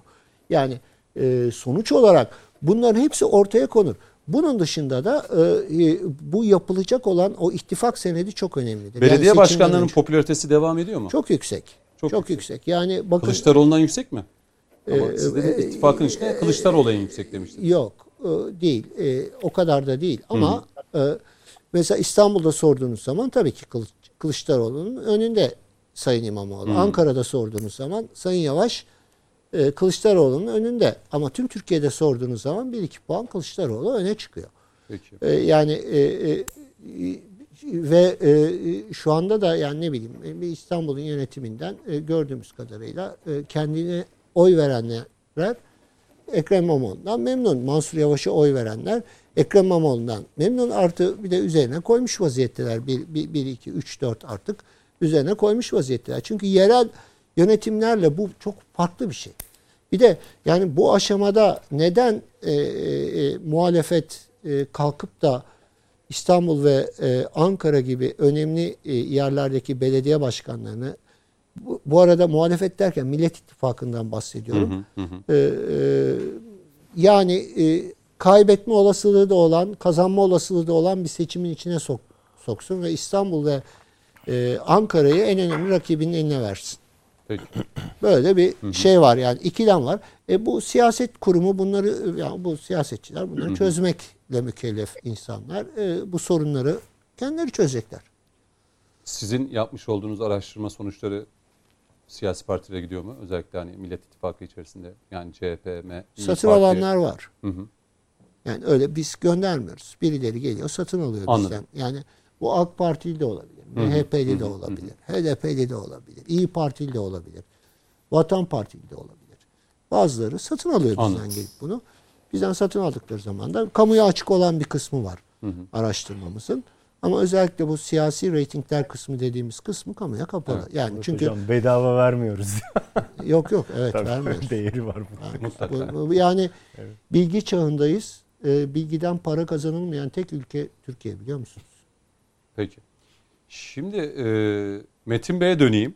Yani Murat Bey'e de sorduğum zaman yani bir profil belli Millet İttifakı'nda. Yani o profil hep çiziliyor ama isim almakta zorlanıyoruz. Ya da ismin ön plana çıkması konusunda e, Millet İttifakı biraz ketum mu? Yok ketumda değiller. Ben ben bu sabah Sayın Kılıçdaroğlu'nu dinledim. E, Bütün liderler olabilir dedi. Bir, illa niye bir tane adayımız olsun dedi. Millet İttifakı'nın. Yani açın. Bu sabah bir programa katıldı. Evet, Orada evet. söyledi. E, Metin Bey'e döneyim. Bakalım e, ne diyecek bu konuda? Şimdi Hani- Hı hı, buyurun. şimdi Millet İttifakı'nın lokomotifi kimdir? Cumhuriyet Halk Partisi'dir. Yani Millet İttifakı'nı bileşenlerini bir araya bir araya getiren, bir arada tutan siyasi parti Cumhuriyet Halk Partisi. Millet İttifakı cephesine baktığımızda da eski deyimle ana muhalefet partisi dediğimiz Cumhuriyet Halk Partisi en yüksek oy oranına sahiptir. Ha en yüksek oy oranına sahibim söz hakkı bendedir diye bir şey de yok ama şu var ki Kemal Kılıçdaroğlu çıkıp Millet İttifakı'nın adayı ben olacağım dese buna kimse itiraz etmez. Çünkü niye? Kemal Kılıçdaroğlu'na e, HDP seçmeninden de oy gelir. Bunu biliyoruz. Ama demin de söyledim 13 Ekim 2020'de Sayın Devlet Bahçeli adayımız Erdoğan dedi. O günden bugüne bildiğimiz tek bir şey var ki Cumhur İttifakı'nın adayı Cumhurbaşkanımız Recep Tayyip Erdoğan. Peki Kemal Kılıçdaroğlu yani Millet İttifakı'nın adayı mı? Kemal Kılıçdaroğlu'na sorduklarında bugüne kadar papatya falından başka bir şey görmedim ben. Olsam mı olmasam mı? Olayım mı olmayayım mı? Olabilir miyim olmayabilir miyim? Hatta partisinin içinden bazı genel başkan yardımcıları Cumhurbaşkanı adayımız Kemal Kılıçdaroğlu dediğinde de buna zamansız ve yersiz diye ee, biraz da ağzınıza biber sürerim diye konuşmayın gibi başka genel başkan yardımcıları tarafından Cumhurbaşkanı adayımız Kemal Kılıçdaroğlu'ndan selam getirdik diyen genel başkan yardımcılarına azar geldi, fırça geldi. Şimdi bugüne kadar ne duyduk Millet İttifakı'nda? Adayımız Abdullah Gül olabilir mi? Ali Babacan olabilir mi? E son olarak da Mehmet Şimşek oldu oluyor söylemleri ve söylentileri, dedikoduları, kulisleri ya da talepleri ortaya çıktı. Ben Millet İttifakı'nın bu işten sapa sağlam çıkabilmesi için aradığı özelliklere sahip Cumhur İttifakı'nın adayı Recep Tayyip Erdoğan'ın ismini açıklamalarını bekliyorum. Adayımız Cumhurbaşkanı Recep Tayyip Erdoğan diye. Şimdi bu işin belki bir anlamda latifesi diyebilirsiniz ama dün daha doğrusu 30 Ağustos e, kutlamalar esnasında İstanbul'da İyi Parti'nin genel başkanı Meral Akşener hanımefendinin dilinin altındaki baklayı çıkardığını düşünüyorum. Ben uzun zamandır televizyonlarda Meral Akşener aday olursa HDP seçmeninden oy alamayacağı için Cumhuriyet Halk Partisi'nin tabanında belli bir kitlenin de bir tepkisi olduğu için e, özellikle Canan Kaftancıoğlu gibi düşünen belli kitlelerin tepkisi olduğu için oy alamayacağı için Meral Akşener isminin ha partisinin adayı olabilir ama Millet İttifakı'nın İttifakın adayı, adayı olamaz. olamayacağını ama ama Meral Akşener'in bir adayı olduğunu, onun da Ekrem İmamoğlu olduğunu söylemiştim. Uzun zamandır da bunu iddia ediyorum. E, ya falan filan diyorlar. Bakın dün Sayın Meral Akşener hanımefendi bütün nezaketimle söylüyorum. İstanbul Büyükşehir Belediye Başkanı Ekrem İmamoğlu'nu hünkârımız Fatih Sultan Mehmet'e benzetmesi, İstanbul seçimlerini de bir fetih gibi göstermesi, Ekrem İmamoğlu'na oy vermeyen seçmen kitlesini de Bizans ve Haçlı diye yaftalamasını esefle kınadığımı, bir siyasi parti genel başkana yakışmadığını söylemek istiyorum. Bu aslında bir anlamda bana göre bu söylem zulüm 1453'te başladı diyen soysuzların da e, ağzına verilmiş bir bakla bir ikram olduğunu da düşünüyorum. Ama gördüğüm şu ki Ekrem İmamoğlu ismini nereden e, öne çıkardığımı sorarsanız Cüneyt Bey. Buyurun. Ankara'da Cumhuriyet Halk Partisi'nin genel merkezinde ve İyi Parti'nin belli milletvekilleri arasında Ekim Partisi diye işin esprisiyle karışık. Ekim dediğim Ekrem İmamoğlu. Yani isminin baş harfi ve soy ismiyle. Bir Ekim Partisi kurar. Yine Ekrem İmamoğlu'nu aday yaparız dediği. E, Ekrem İmamoğlu'nun Ankara'da artık bir İstanbul Büyükşehir Belediyesi ile ne alakası var bilinmez. İrtibat bürosunun olduğu. Bu irtibat bürosunda bazı partilerin e, etkili, yetkili siyasi isimleriyle Ekrem İmamoğlu adına birilerinin görüşmeler yaptığını Ankara kulislerinde herkes biliyor. Yani Sağır Sultan biliyor. E, o yüzden hani baktığımızda Ekrem Siz İmamoğlu çok diyorsunuz istekli. ki Meral Ben Akşener'in adayı Ekrem İmamoğlu diyorsunuz. Ben bu, ben böyle düşünüyorum. Böyle, Çünkü kendisine öngörü. kendisine Ramazan'ın Ama Sayın Ramazan'ın Kılıçdaroğlu üçüncü aday göstermeyi düşünmüyor. Apar topar Yani Ekrem İmamoğlu ya da Mansur Yavaş iki iftar isim yemeğinde- hakkındaki e, Kılıçdaroğlu'nun açıklamalarına Evet, baktığımızda tam onu söyleyeceğim. Cüneyt Bey. Cüneyt Bey onu söyleyeceğim. Ramazan'ın son üçüncü gününde apar topar yenilen Kemal Kılıçdaroğlu ve Meral Akşener arasındaki iftar yemeğinde Meral Akşener'i HDP ve Cumhuriyet Halk Partisi'nin içindeki belli bir kitlenin tabandan e, adaylığına sıcak bakmadığıyla ilgili bir e, görüşme talebi ya da bir görüşme, konuşma olduğunu söyleyebilirim. Bundan sonra ibreler değişti. E, düne kadar biliyorsunuz e, Mansur Yavaş 3-4 gün önce bir televizyon programındaydı. Mansur Yavaş'a Cumhurbaşkanı adaylığı için adınız geçiyor ne düşünüyorsunuz dediklerinde ben Ankara Büyükşehir Belediye Başkanlığında kalacağım dedi. Hatta ben Mansur Yavaş'ın isminin çok konuşulduğu bu süreçte Cumhuriyet Halk Partisi Genel Merkezi'nde Kemal Bey'den randevu isteyip Kemal Bey'e çay içmeye gidip Kemal Bey'e de Sayın Genel Başkan benim ismim çok geçiyor ama benim asla böyle bir talebim yok. Ben Ankara'da kalacağım. Büyükşehir Belediye Başkanı olarak hayatıma devam edeceğim. Ankara'nın sokaklarında çocuklarıma bir miras bırakıp gururla gezeceğim, işler yapacağım. O yüzden benim adımın konuşulmasını esefle reddediyorum dediğini biliyoruz. Ama 4-5 gün önceki televizyon programında e, genel başkanımız bilir doğmamış çocuğa doğum biçilmez sözünün de aslında örtülü olarak o süreçten biraz daha geri döndüğünü çünkü yakın çevresinin Mansur Yavaş'ı da Cumhurbaşkanı adayı yapmak için popofladığını e, ve bu konuda desteklediğini e, bir öngörüyle de aday olmak isterse Ekrem İmamoğlu'nun önünde olacağını çünkü Ankara'da sadece icraatlarıyla önde olduğunu e, hani pompalıyor belki ağır bir laf olabilir ama böyle bir bilgi yüklemesi yaptıklarını onun için de hı hı. E, Mansur Yavaş'ın kafasının biraz karışık olduğunu söyleyebilirim. Evet.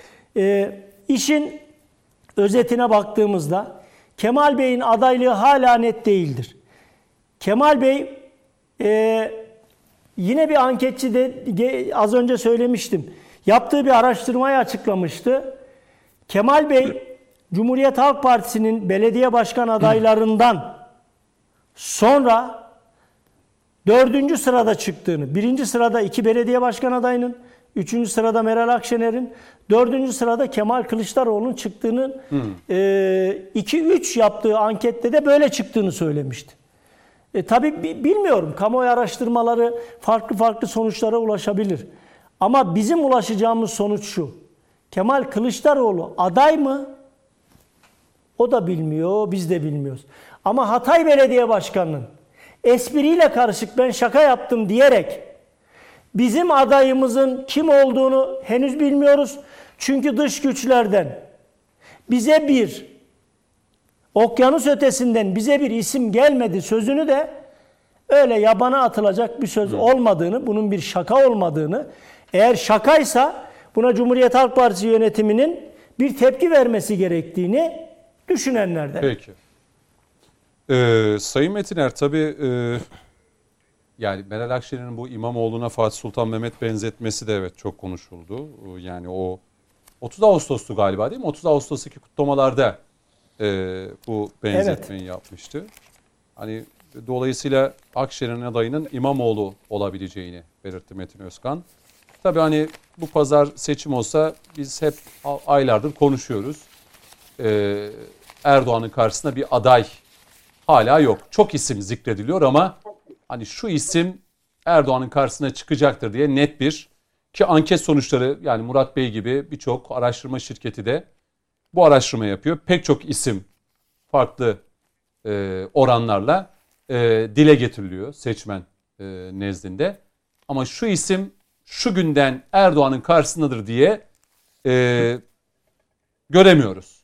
Sebebi ne olabilir? Yani çok mu çetrefilli bir durum yaşıyor Millet İttifakı? İki e, ittifak arasındaki farka bakmak lazım. Hı hı. Cumhur İttifakı e, çok daha ilkesel bir ittifak. Konjonktürel bir ittifak değil. Çıkar temelli bir ittifak değil. Benim görebildiğim o. E, e, dolayısıyla e, Sayın Bahçeli Sayın Erdoğan'ı desteklediğinde kendisinden herhangi bir talepte bulunmuş değil. Yani hükümetin bir parçası olmak isteriz. Şu kadar bakanlık verilmezse biz bu ittifakın içerisinde yer almayız e, demiş değil. Dolayısıyla ilkesel bir e, e, ittifaktan söz ediyoruz. Millet İttifakı zaman zaman kendi sözcülerinin de söylediği gibi çok daha konjonktürel bir ittifak. Erdoğan düşmanlığından beslenen, Erdoğan'ı alaşağı etmek üzerine kurgulanmış bir ittifak.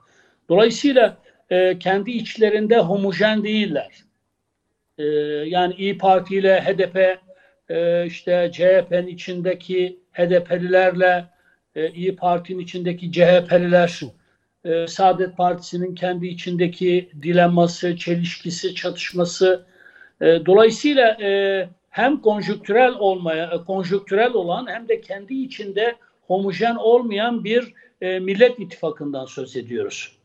E, ama Cumhur İttifakı kendi içerisinde çok daha homojen, e, bir o kadar da ilkesel. E, bunun e, altının önemli çizilmesi gerekiyor. Ee, Sayın e, Kılıçdaroğlu aklından geçiriyor mu? Onun aklını okumak bize düşmez, niyetini okumak bize düşmez. Ama her seferinde açıkladığı kamuoyu anketleri eğer doğruysa, Millet İttifakı'nın adayı zaten kazanacaksa Kılıçdaroğlu'nun bunu aklından geçirmemesi e, çok manidar yani. Seçileceğini bildiği halde e, Millet İttifakı'nın adayı olmayı düşünmüyorsa, Cumhurbaşkanı adayı olmayı düşünmüyorsa bence bunu da CHP'liler sorgulamalı. Yani sen Cumhurbaşkanı olabilecekken aday olmaktan vazgeçiyorsan senin amacın ne diye sorgulaması lazım. Tabii işin e, e, şey espri kısmı bir yana ama Kemal Bey e, son zamanlarda kendine çok büyük güçler vehmetmeye başladı. Siyaseten bu çok sorunlu bir şey aslında. E, iktidar olmadan iktidarın şehvetine yenik düşmek, hı hı. iktidar hırsına yenik düşmek bir siyasetçi için çok büyük bir tehlikedir. Maşallah göç sorununu çözüyor. Avrupa Birliği ülkeleri Kemal Bey'in bir an önce iktidara gelmesini dört gözle bekliyor. Gel, gelir gelmez de zaten hemen bütün musluklar açacaklar. Ee, göç sorunu da işte çözmek için Kemal Bey yardımcı olacaklar. Eğer Kemal Bey Avrupa Birliği'nin hasretle ve özlemle beklediği bir lider profili çiziyorsa ben burada Atatürkçü, yurtsever, ulusalcı, CHP'li seçmenlere sesleniyorum. Sahiden bu mandacı zihniyet Atatürk'ün kurduğu partiyle bağdaşıyor mu? Yani Avrupa Birliği ülkeleri Kemal Bey'in iktidarı niye böyle e, dört gözle beklesinler? Niye beklesinler? Yani Kemal Bey'den istedikleri şey ne? Ha kanun hükmündeki kararnamelerle ihraç edilenlere tekrar e, işte devlet katına taşımak. Evet yani Avrupa Birliği ülkeleri de zaten şu an kanun hükmündeki kararnameyle ihraç edilemeyen, bu ülkede olmadıkları için ihraç edilemeyen veya da başka türlü bir muameleye uğrayamayan çevrelere zaten kucak açıyorlar başkentlerinde. Aralarında böyle bir siyasi ittifak söz konusuysa bunu CHP'li seçmen sorgulamalı. Kemal Bey bazen kendi yaptığı tarifle e, kendisine ne kadar çok zarar verdiğinin farkında değil. Yani Avrupa Birliği dört gözle bekliyor. Kemal Bey iktidara gelecek. Kemal Bey'in elinde de sihirli bir formül var. Nedense hiçbirimiz bilmiyoruz. Göç sorununu çözecek. Peki nasıl çözeceksiniz Kemal Bey'i diye soruyorsunuz. Ben çözerim diyor. Esed'i ikna ederim diyor. Harika bir şey. Yani Kemal Bey'e soracak olursanız Esed eli kanlı bir diktatör değildir.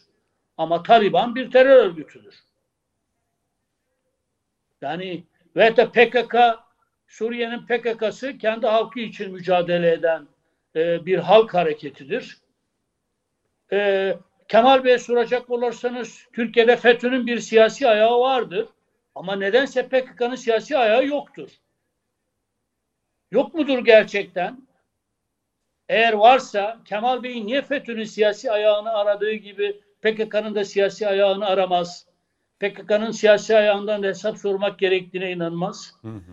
Dolayısıyla dolayısıyla Millet İttifakı çok denklemli, çok çetrefil, kendi içinde homojen olmayan, e, ilkesel düzeyde bir araya gelmemiş e, bir sürü benzemezin sadece Erdoğan iktidarını alaşa etmek için e, bir arada oluşturduğu konjüktürel bir ittifak. Ama Cumhur İttifakı 15 Temmuz'dan bu yana önce Türkiye diyen, Türkiye'nin çıkarları söz konusu olduğunda Türkiye'nin içine hamle yapmak isteyen müstevli güçlerin siyasetlerini boşa çıkartmak için e, ilkesel anlamda e, kurulmuş bir ittifak.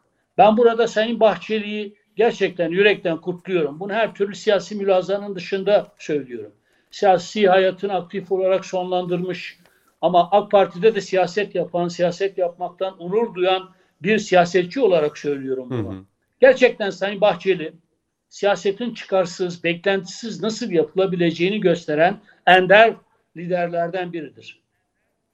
Peki. Yani ama Millet İttifakı'na bakıyorsunuz diyor ki yani Cumhurbaşkanı senden olacaksa Cumhurbaşkanı yardımcısı bizden olsun.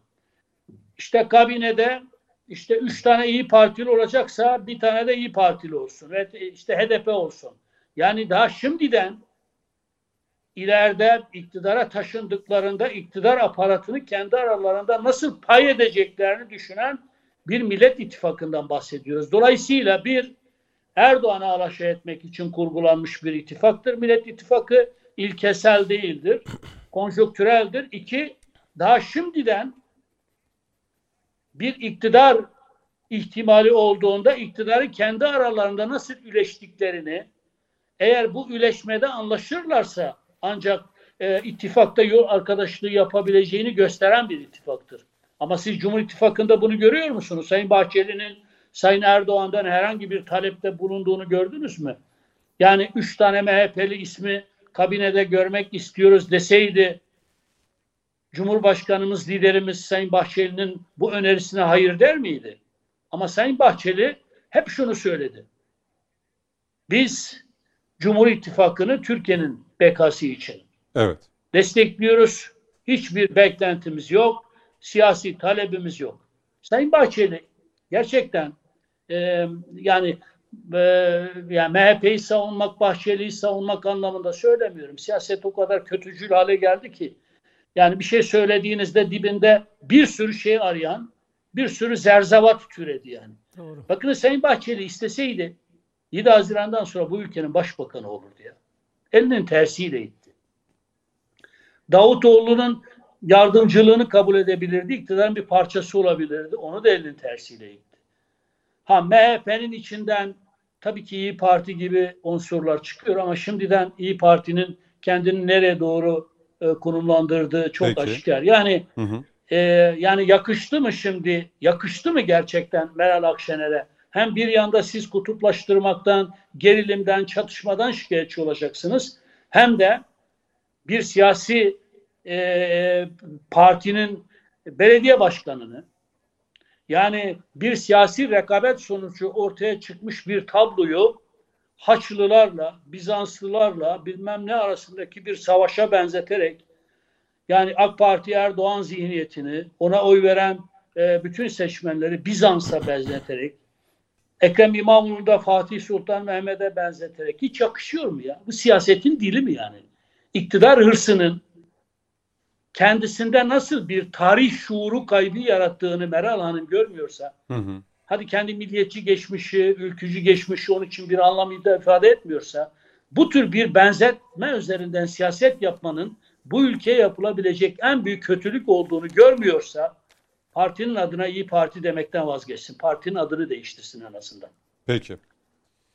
Şimdi e, yani belki başlıklarımızın arasında bu İmamoğlu'na Fatih Sultan Mehmet benzetmesi de vardı. Hem Sayın e, Özkan hem de Sayın Metiner de e, bu konuya girdi. Şimdi Gaffar Bey size döneceğim. Hatta şu başlığı da açarak belki hani hem e, bu Millet İttifakı'nda aday belirleme süreci e, hem de Sayın Kılıçdaroğlu'nun e, son zamanlarda aslında daha öncesinde Kaftancıoğlu ve bazı milletvekilleri bir araya gelmişti bu kanun hükmünde kararnameyle FETÖ ve PKK ve terör örgütleriyle irtibatı iltisakı olanların devletten e, atıldığını e, ve süreci de takip ediyoruz. Bir OHAL komisyonu var. Çok sayıda kişi de geri döndü. E, onun da altını çizelim. Kılıçdaroğlu KHK, KHK, ile atılan herkesi göreve iade edeceğim diyerek de bir mesaj verdi. E, bu mesajın gittiği yerde belli. İsmi de belli. E, cismi de belli. E, buradan da devam edelim. Gaffar Bey. Şimdi önce bir işin aslını söyleyelim. Sonra Hı-hı. faslını söyleyelim. Peki. Bak, aslı şu. Ee, Metin Bey, ne demek KHK ile Metin Bey, atılanları or, or, biz geri oraya, alacağız? Oraya, o, Öyle mi? O, tamam ne, peki. Ne demek? Çok çok basit yani. O işte FETÖ'nün talimatını yerine getireceğim bu kadar. Başka bunun lamıcımı yok. Şimdi oraya geliriz. Peki. Aslı şu. Metin Bey isim vermeden söyledi. Hatay Belediye Başkanı Lütfü Savaş. Sayın Lütfü Savaş. Cumhuriyet Halk Partisi içinde etkin, belirgin bir figürdür. Sıradan bir siyasetçi değildir. Başarılı bir belediye başkanıdır. Hı hı. Yani Cumhuriyet Halk Partisi'nin az sayıda başarılı belediye başkanından biridir. Sevilen bir şahsiyettir. Takdir edilen bir şahsiyettir. Yani takip edenler bilirler. Ben yıllardır takip ediyorum Lütfü Savaş. Hı hı. Katıldığı televizyon programında öyle şaka maka yok. Çok net yani o videoyu açın izleyin. Yani çok asgari düzeyde zekası olan bir kişi orada bir şakalaşma olmadığını, ciddi bir konunun konuşulduğunu anlar. Sunucu, moderatör, spiker her ne derseniz diyor ki siz çok başarılısınız diyor. Konu oradan başlıyor.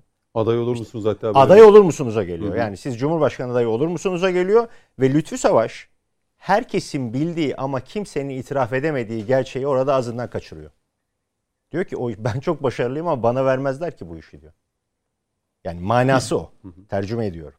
Evet ben çok başarılıyım. Ben Cumhuriyet Halk Partisi'nin başarılı siyasetçilerinden biriyim. Belirgin bir figürüm. Hatay halkı beni seviyor. işte bana teveccüh gösteriyor. Fakat bunların hiçbiri yetmez.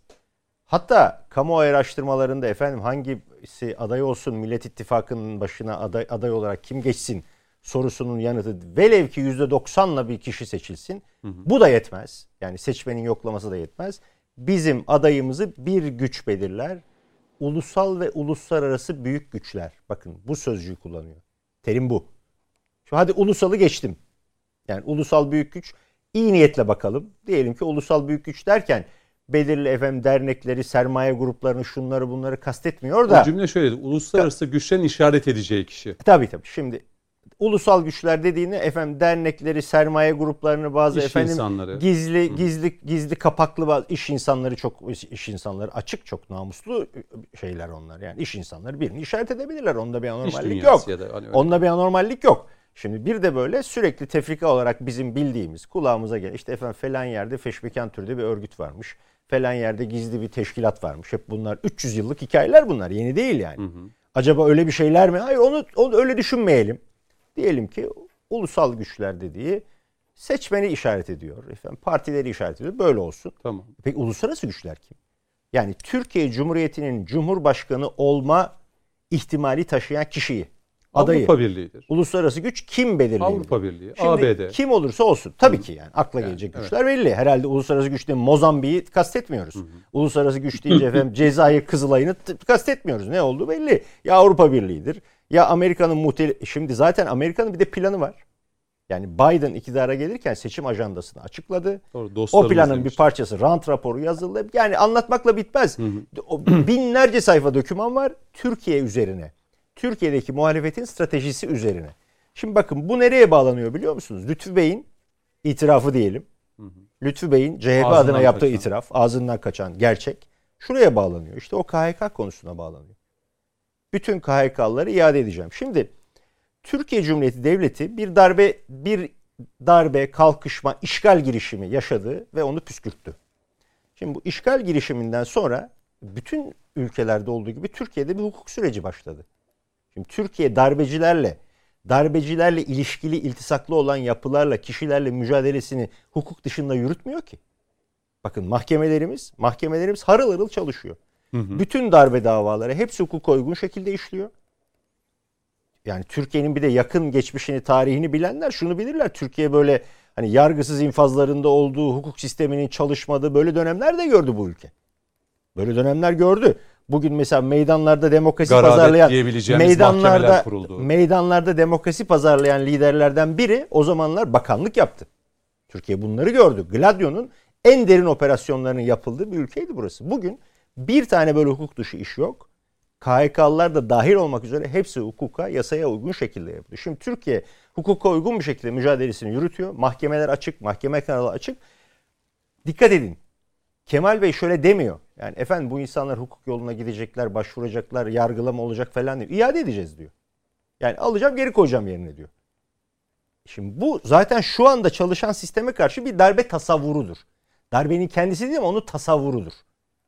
Yani sebep sonuç ilişkisi var ortada. Bu KHK denen şey gökten zembille inmedi. Bir darbe teşebbüsü yaşadık. Kimlerdir diye bakın kimliklerine. FETÖ ve PKK iltisaklıdır. Bu kadar. Türkiye'nin üniversiteleri işgal altındaydı. Türkiye'nin üniversiteleri işgal altındaydı. Hala da işgal altında olan yerler var bakın. Yani 200 bilmem kaç gündür ayakta dikilmekten başka bir numarası olmayan bir grup akademisyen var. Bilim yapın. Katılıyorum. Bilim yapın. Bilim niye yapmıyorsunuz? Nedir yani? Bunu yaparak elinize ne geçiyor? Sıralamaya bakıyoruz, akademik sıralamaya. Diplere düşmüşler, diplere düşmüşler. Ama bir marka var, bir etiket var. Bir de tabii daha kötüsü devletimizin kurucusu Atatürk'ün istismar edilmesi var. Çok korkunç bir şey. Sizin malzemeniz mi ya? Atatürk sizin siyasi malzeme. Siz kimsiniz? Size mi ait? Yani bir de onun üstüne şey koymuşlar efendim akılları sıra. Yani tapuyu aldık diye tekel koymuşlar. Şimdi işin aslı bu. Faslına geleyim bir de. Bir de faslını söyleyeyim ben. Peki. Çok uzatmayayım. Faslı da şu. Şimdi biz şunu tartışıyoruz. Yenilecek pehlivan kim olacak? Türkçesi bu. Şimdi iki tane aday, iki büyük aday çıkacak. Birisi belli. Sayın Erdoğan aday olacak. Şimdi matematik de gösteriyor. Sayın Erdoğan'ın seçim bugünler kazanacağı görünüyor. Geçmiş deneyimler de bunu gösteriyor. Daha önemlisi. Şimdi siz seçime doğru yaklaşıyorsunuz. Diyelim 2023'te seçim olacak. Neye bakarsınız? İki tane büyük blok var. İki, ittif- Evet. iki, efendim, iki ittifak var. E, seçime neyle gidiyorsunuz? Ne öneriyorsunuz? Ne taahhüt ediyorsunuz? Şimdi Cumhur İttifakı, Cumhur Biz İttifakı 2022'nin Cum- ortası Cum- sonbaharı ile birlikte bu dönemlerde artık o seçim Şahin safhına bugün de konuşabiliriz. olacağız. Bakın şimdi Cumhur İttifakı'nın beğenin beğenmeyin bir ajandası var. Ülkeye dair bir projesi var. Bir ufku var. Bir kısmını yapıyor, bir kısmını yapamıyor. Eleştiriyoruz. Muhalefet çok sert eleştiriyor. Bizler de zaman zaman eleştiriyoruz. Ama bir ajandası ve ufku var. Millet İttifakı'nda ne var? Bakın demin zikredildi, söylendi. Millet İttifakı sadece sadece Tayyip Erdoğan'ı iktidardan indirmek üzerine kurulmuş. Başka bir ajandası, vaadi yok. Sürekli olarak bunu söylüyor. Eski sistemi getireceğiz. İşte saray rejimini yıkacağız. Böyle çirkin çirkin ifadeler bir de. Çirkin çirkin ifade. Bunun için buldukları formül de, buldukları formül de artık nereden kulaklarına fısıldanıyor bilmiyorum. Ne pahasına olursa olsun herkesle beraber ol, her tür söylemi kullan. İşte Meral Hanım'ın bu yani Fatih AK Sultan Mehmet Parti'ye, Milliyetçi Hareket Partisi'ne, efendim Vatan Partisi'ne, başka partilere oy veren seçmen seçmeni e, Bizanslara benzetmesi yani bu, bu olacak şey değil ya. Bir siyasi parti liderinin söyleyeceği laf değil. İkincisi velev ki Sayın Başkanı siz e, Fatih Sultan Mehmet'e benzettiniz. O zaman benim tavsiyem işin faslını anlatıyorum şu aslı değil ama tavsiyem şu.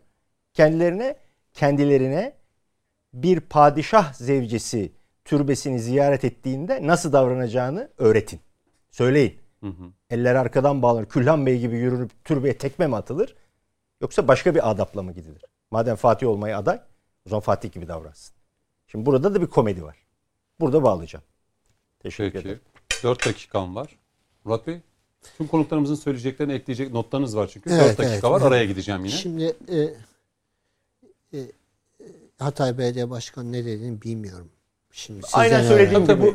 Sizden öğrendim. Şuydu şu cümle hatta ben de çok konuştum yayında gündüz haber merkezinde konuklarımızla. Yani e, içeride e, verilecek kararla yani ulusal anlamda verilecek karar ve aynı zamanda uluslararası güçlerinde işaret edeceği ismin Millet İttifakı'nın aday olacağını e, belirtti. Sayın Kemal Kılıçdaroğlu'nun Hı hı. e, Avrupa Birliği liderlerine verdiği ultimatomdan sonra mı söyledi bunu? Bu göçmenlerle alakalı mı? Evet. Yok öncesinde. Ya bu yangın felaketleri şunlar Afgan Yani çok a- bunların öncesinde söylenen bir. e, bir e, e, Avrupalı için Avrupa bir, bir Avrupalı lider için çok ağır laflar etti. E, Sayın Kılıçdaroğlu çok Avrupalıların Kılıçdaroğlu'nun gelmesini isteyeceğini pek düşünmüyorum. Yani başka alternatiflere bakabilirler. E, e, şeyi biliyorum ama KHK meselesini. Ya hemen suç yani KHK'dan alınmış. Ben de sizinle aynı fikirdeyim. Devletin yakınına bile sokmayacaksın. PKK, FETÖ ile iltisaklı adamları yakında bile hatta hapishanenin dışına bile bırakmayacaksın. Bakın. Aynı fikirdeyim. Ama yani adam e, mahkemede yargılanmış. Bütün şeyleri, aşamaları bitmiş. Suçsuz bulunmuş. Beraat etmiş. Fakat hala görevine geri dönmüyor. Bunlardan bahsediyor Sayın Kılıçdaroğlu. Benim e, duyduğum kadarıyla. Bir de şey söylediniz. farklı yorumlamışsınız. Ben öyle yorumlamadım. Ya, Ben- ya yani yorum yani değil. hukuk Ben ve ad- çok biz adaletten yanayız. çok çok Onu- onu objektif tartışmayız bakıyorum. Murat. Çok çok adalet- çok Ama- objektif bakıyorum. Hiç öyle Ya- yorum morum Benden yapmıyorum. farklı yorumlamışsınız. O anlamda Orada söylüyorum. rakamı vereyim 142 bin. Murat Bey'e bir cümle katkı sağlayabilir miyim? Buyurun. Murat Bey'e sözünü kesmiş olmazsam eğer çok özür dilerim.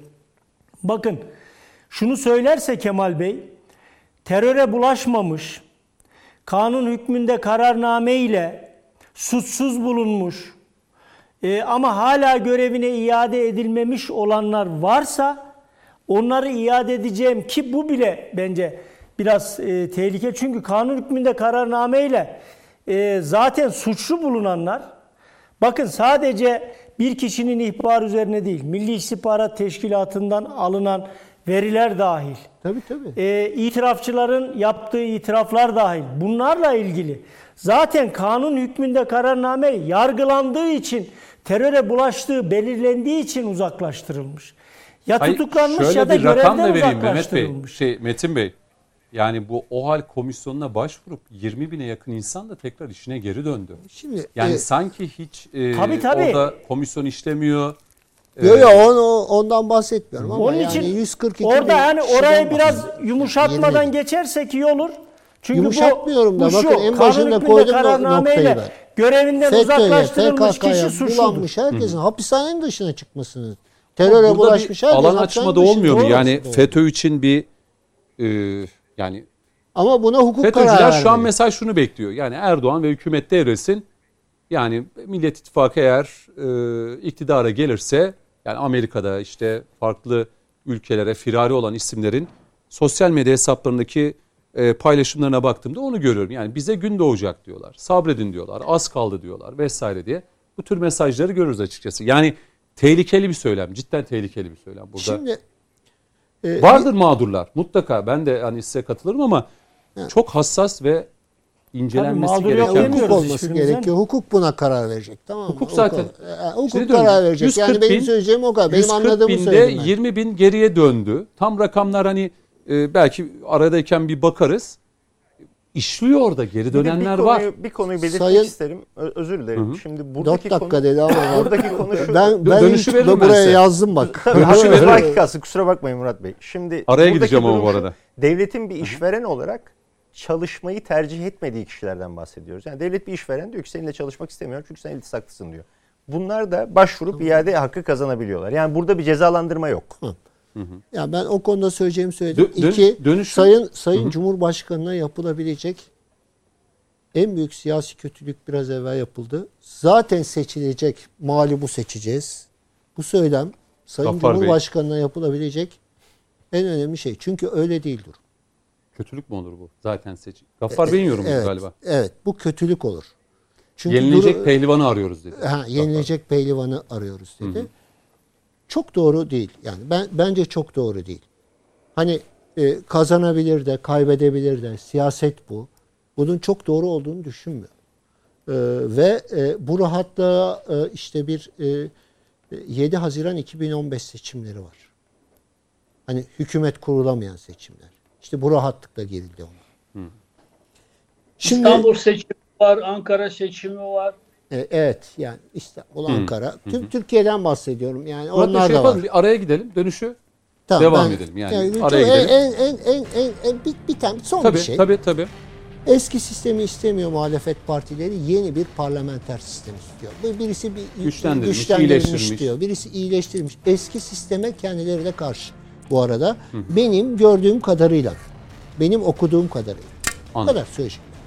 Tabii onun da içeriğini tam olarak bir türlü alamıyoruz. Hani iyileştirilmiş ya da güçlendirilmiş. Onların hatasıdır o. Evet.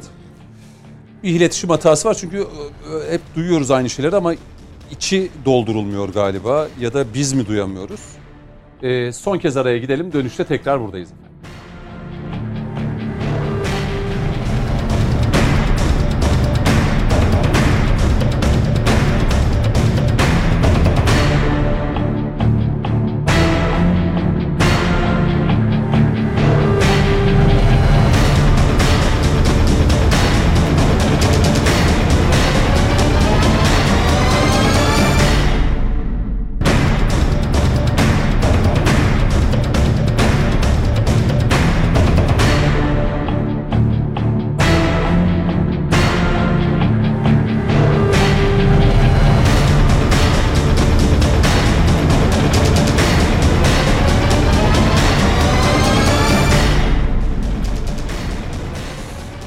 Değerli izleyenler son bölümdeyiz. 20 dakikamız var. Her konumuza 5 dakika vereceğim. Ee, ki programın başında HDP'de Mithat Sancar'ın çıkışı, e, Millet İttifakı'na cesur olun, cesaretli olun çağrısı.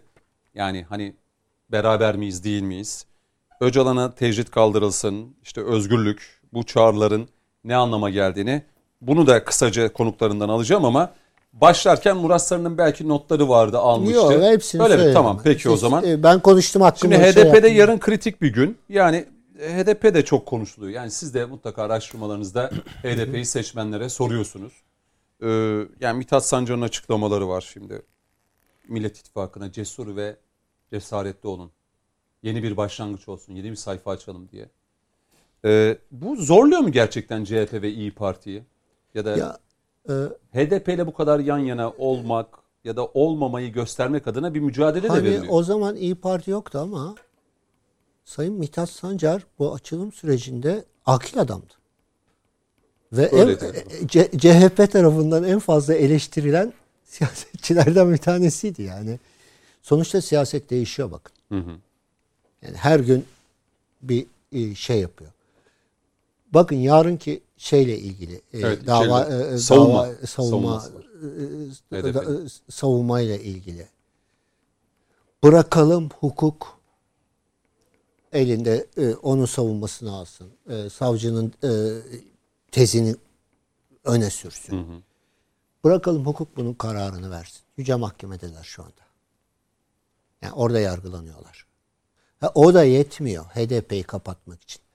Orada kapatma kararı çıkarsa meclise gelecek. Mecliste de onaylanacak bu. Ve mecliste grubu bulunan her siyasi partinin de eşit miktarda şeyi var. Ve kapatmak biraz zor bir partiyi. Yeni çıktı bu. AK Parti zamanında çıktı bu yasa söylediğim yasa. Evet. Siyasi partilerin kapatılması zorlaştırıldı. E, Evet ama bir şey çıkacak ortaya. Yani o mahkeme o kararı verirse ortaya çıkacak olan yani kapatma kararı verdi. Kapatılsın diye şeye gönderdi. E, bu- Ne diyor araştırmalarınızda mesela HDP kapatılsın ya bakın konusunda? e, HDP bunu geç, Kapatılsın mı, geçmişte geçmişte Refah Partisi ile ilgili gördük. E, Saadet Partisi ile ilgili gördük. AK Parti'ye açılan. HADEP'le ilgili gördük. Ee, şimdi de HDP ile ilgili görüyoruz. Ne kadar kapatılsınız derse derseniz o kadar dirençle karşılaşıyor.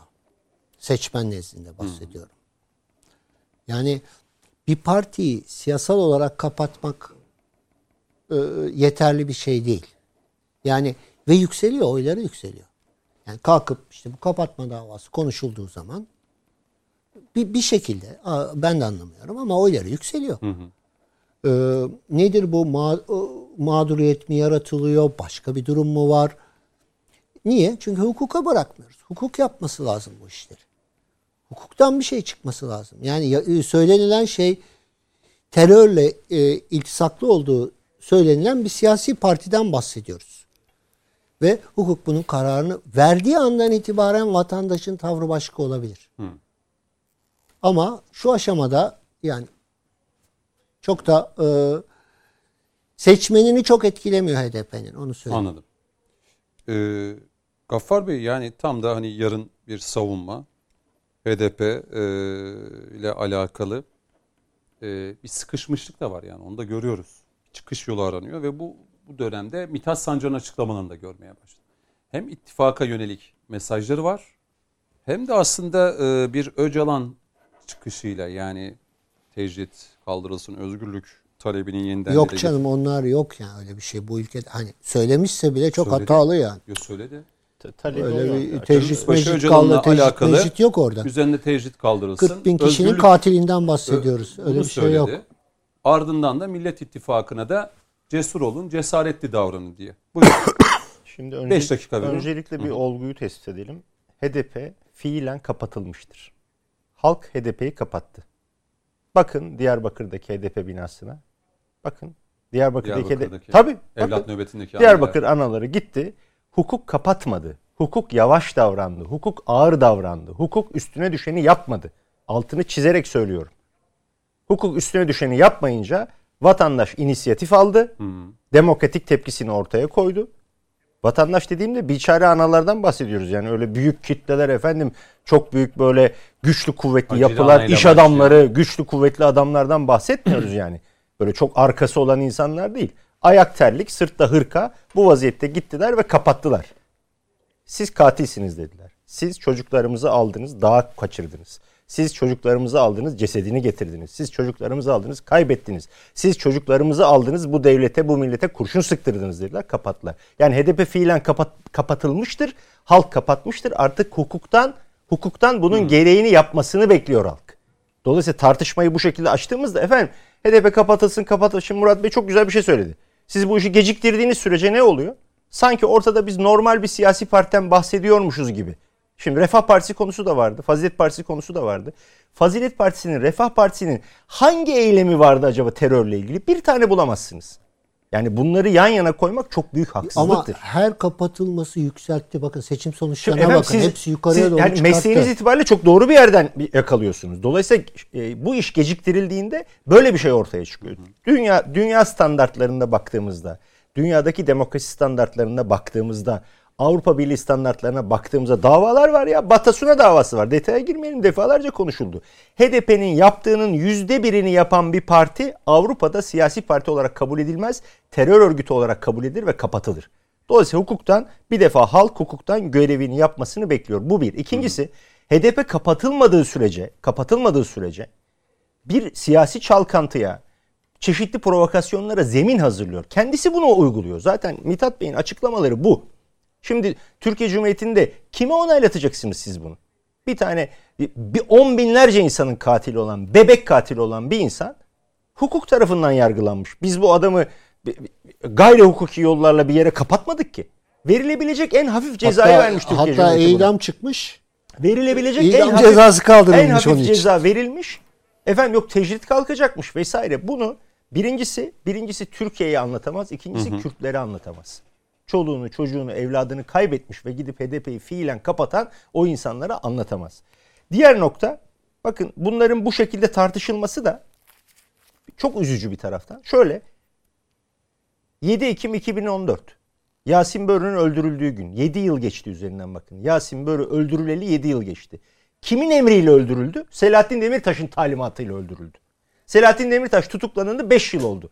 5 yıldır sabah Demirtaş konuşuyoruz, akşam Demirtaş konuşuyoruz. Yasin Börü'yü konuşan bir Allah kulu yok. Ya böyle bir adaletsizlik var mı? Bu adaletsizlik. Bu adaletsizliğin ortadan kalkması lazım. Bu halk bu devlete güveniyor, hukuk sistemine de güveniyor. Onun için artık bu adaletsizliğin ortadan kalkması gerekiyor. Bizim de beklentimiz o. Hele böyle hukuk insanlarının efendim geciktirelim, raporu bekleyelim vesaire yapmaları bunlar gerçekten halkın vicdanını yaralar. Özellikle de bu örgütün yani HDP, HDP bunun sivil uzantısıdır. Aynı örgüttür bu aslında. Muhalefete cesur olun derken neyi kastediyor? Ya cesur olun dediği şey şu. Bizimle siz gayrimeşru bir e, birliktelik içindesiniz. Bunu ilan etmiyorsunuz. Şimdi Metin Bey'in çok güzel benzetmeleri var. Yani ma- mahallemizde kimse duymasın Metin Bey onu çok güzel anlatır. Şimdi siz, siz ilan etmiyorsunuz bizim münasebetimizi. Artık cesur olun bize açıklayın yani ananıza babanıza söyleyin biz beraberiz. Nişanlıyız deyin diyor. Söylediği şey bu. Ya bir futbol benzetmesi de yaptı Demirtaş üzerinden. Demek Yani almıyor ittifak değil mi? İçine onun yapmayın. için böyle şeyler söylüyorlar. Tabii şöyle yani beni- eksik. Beni Onu da- gizliyorsunuz diyor.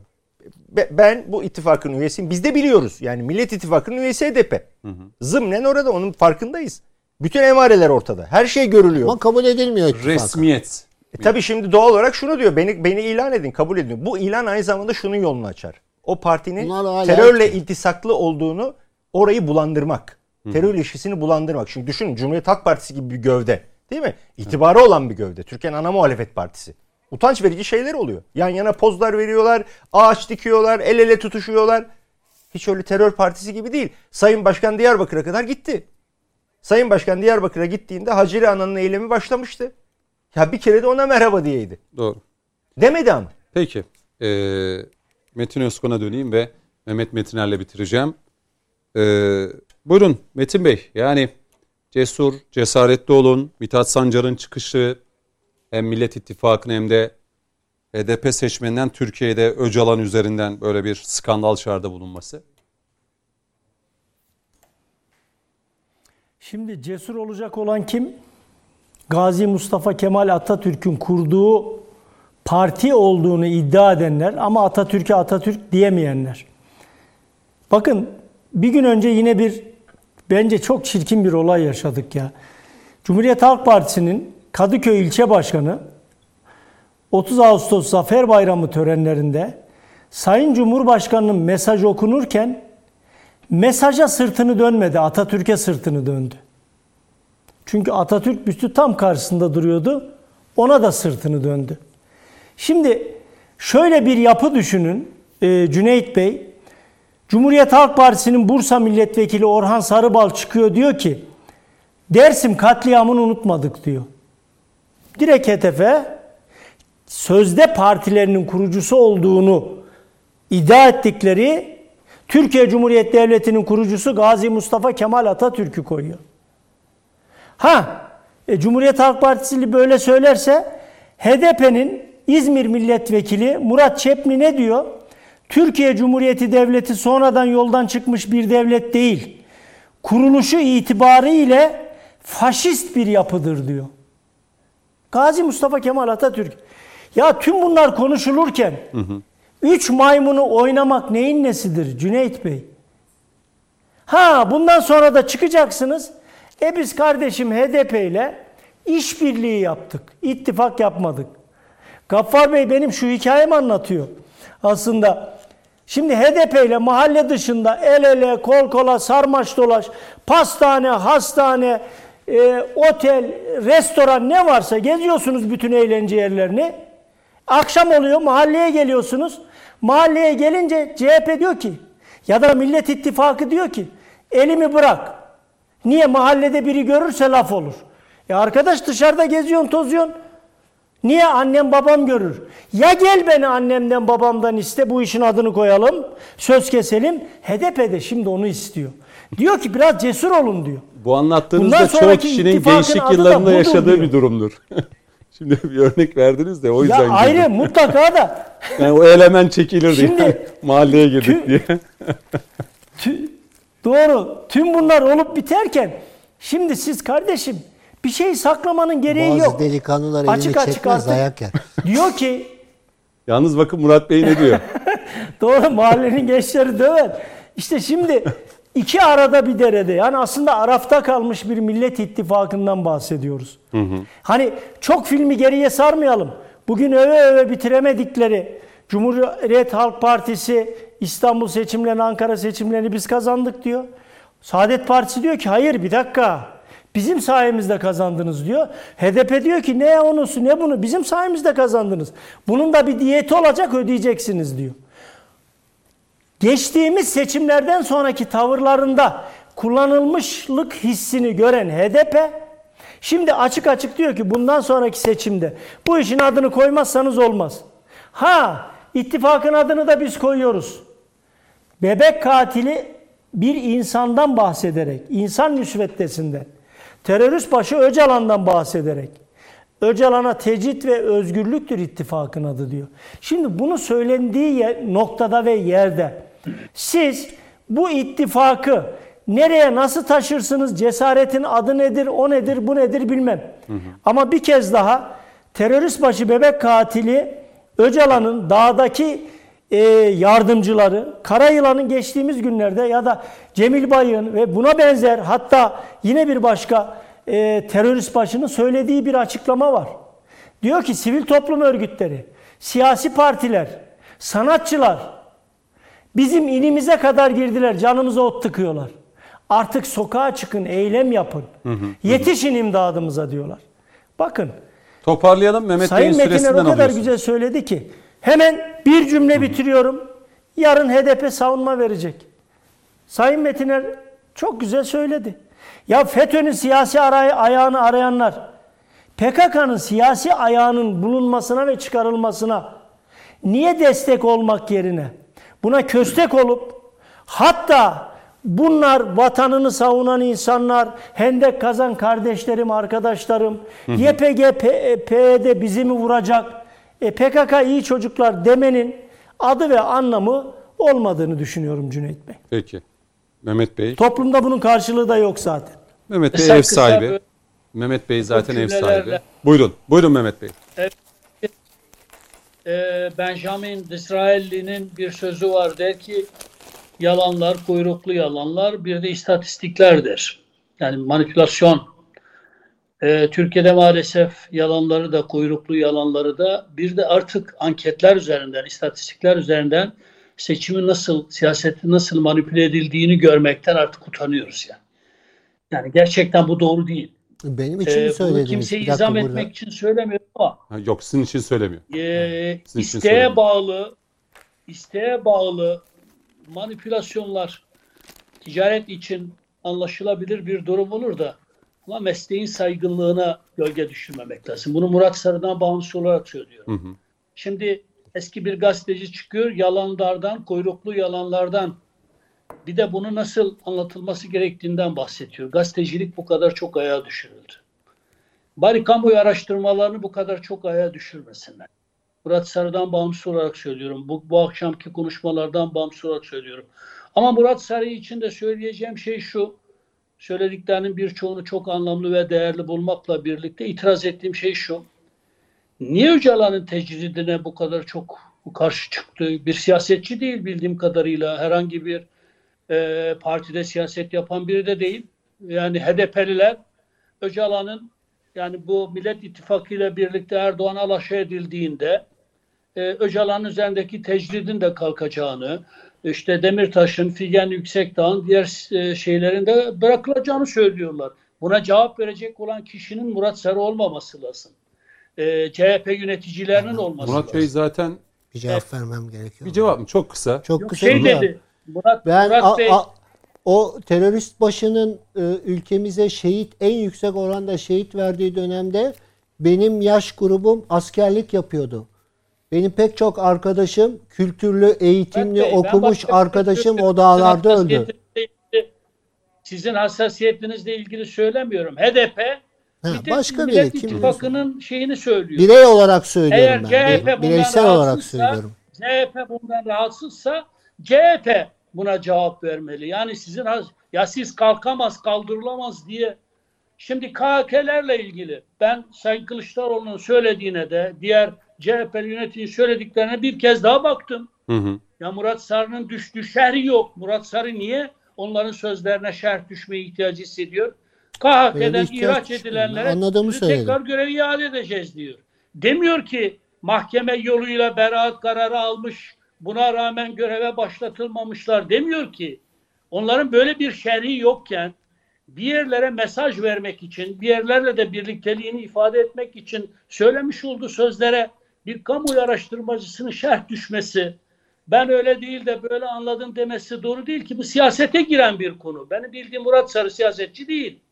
Değil, de bilmiyorum Yani hani bu konularda Hayır öncesinde bunları çok çok HDP konusunda kapatılır kapatılmaz. Kamuoyunu takip etmek benimkisi ilgili bir şey söylemek istemiyorum. Ama peki Taliban'ın partisi olmuş olsaydı, DAEŞ'in partisi olmuş olsaydı, FETÖ'nün partisi olmuş olsaydı Hı hı. ve bu da alenen biliniyor olsaydı buna rağmen HDP kapatılmasın diyenler Taliban'ın partisi de, DAEŞ'in partisi de, FETÖ'nün partisi de kapatılmasın derler miydi? O zaman biz FETÖ'nün televizyonlarını, gazetelerini niye kapattık? Teorik Son bir dakika. baktığınızda, Hı hı. teorik olarak baktığınızda gazetelerin, televizyonların kapatılması fikir özgürlüğüne tehdittir. Böyle mi düşüneceğiz? Yani terör örgütüyle, terör örgütünün siyasal aparatlarıyla, ekonomik kaynaklarıyla, e, sosyal e, kaynaklarıyla mücadele Hı hı, edilmeyecek mi? Yani terörle mücadeleyi biz dağdaki insanlarla, elinde silah tutan insanlarla mücadele biçiminde mi sınırlandıracağız? Bunu sadece bir perspektif olsun diye söylüyorum. Bir diğer husus, yani e, HDP belli ki 30 saniyemiz var Mehmet Bey. Tutuşmaktan kaçınan. E, bittiyse kapatabilirim. Yok 30 saniyede toparlayın Yani hemen belki HDP hani. üzerinden Hı hı. ben HDP üzerinden Kürt vatandaşlarımızın hala HDP'ye oy veren Kürt vatandaşlarımın bu kadar onursuzlaştırılmalarına rağmen o Kürt vatandaşların hala HDP'ye oy vermelerine şaşıyorum. Ya seni kabul etmiyor, seni reddediyor. Kamuoyu karşısında da seninle yan yana gözükmek istemiyor. Genel merkezinde bile seninle yan yana gözükmekten kaçınıyor. Buna rağmen Buna rağmen üstelik de bu Kürt kimliğini inkar eden, Kürt katliamcısı olarak da bilinen bir parti olmasına rağmen bu CHP'den bir türlü vazgeçmiyorsun. Ben HDP'ye oy veren e, Kürt seçmenlerimizin e, Kürtleri aslında onursuzlaştıran bu HDP siyasetine de Peki. çok ciddi bir tepki koymalarını bekliyorum. Önümüzdeki hafta stüdyodayız Mehmet Metiner. Ee, İnşallah. e, uzun uzun daha da Bu çok Skype'la Skype'da zor oluyor. olmuyor. Yani hani ben de hep onun sıkıntısını yaşıyorum. Yani daimi konuk olarak Ki yine bir başka konuk da yanınızda olacak. Onun da şimdiden e, haberini vereyim. Sürpriz olsun. Çok teşekkür ederim Mehmet çok Metiner. değerli bir Evet. inşallah. E, Metin Özkan çok teşekkür ediyorum. Sağ olun. E, uzun bir aradan sonra sizle de teşekkür beraber olduk. ediyorum. Sağ olun Ankara'ya sevgiler. Murat Sarı çok teşekkür ederiz. Sağ olun. Ayağınıza sağlık, ağzınıza sağlık. E, ve tabii ki Gaffar Yakınca o da bizimle birlikte e, ilk kez konuşmak lazımdı. Beraber oldu. Aydınlık Gazetesi yazarı. Çok teşekkür ederim. Ben Ayağınıza teşekkür sağlık. ederim. Çok Konuşmak lazımın tekrarını hani sizler için de söyleyeyim. Kaçıranlar için ve sizler için tekrarını gece 01'den itibaren yine TVNet ekranlarında izleyebilirsiniz. Önümüzdeki hafta görüşene dek şimdilik hoşçakalın.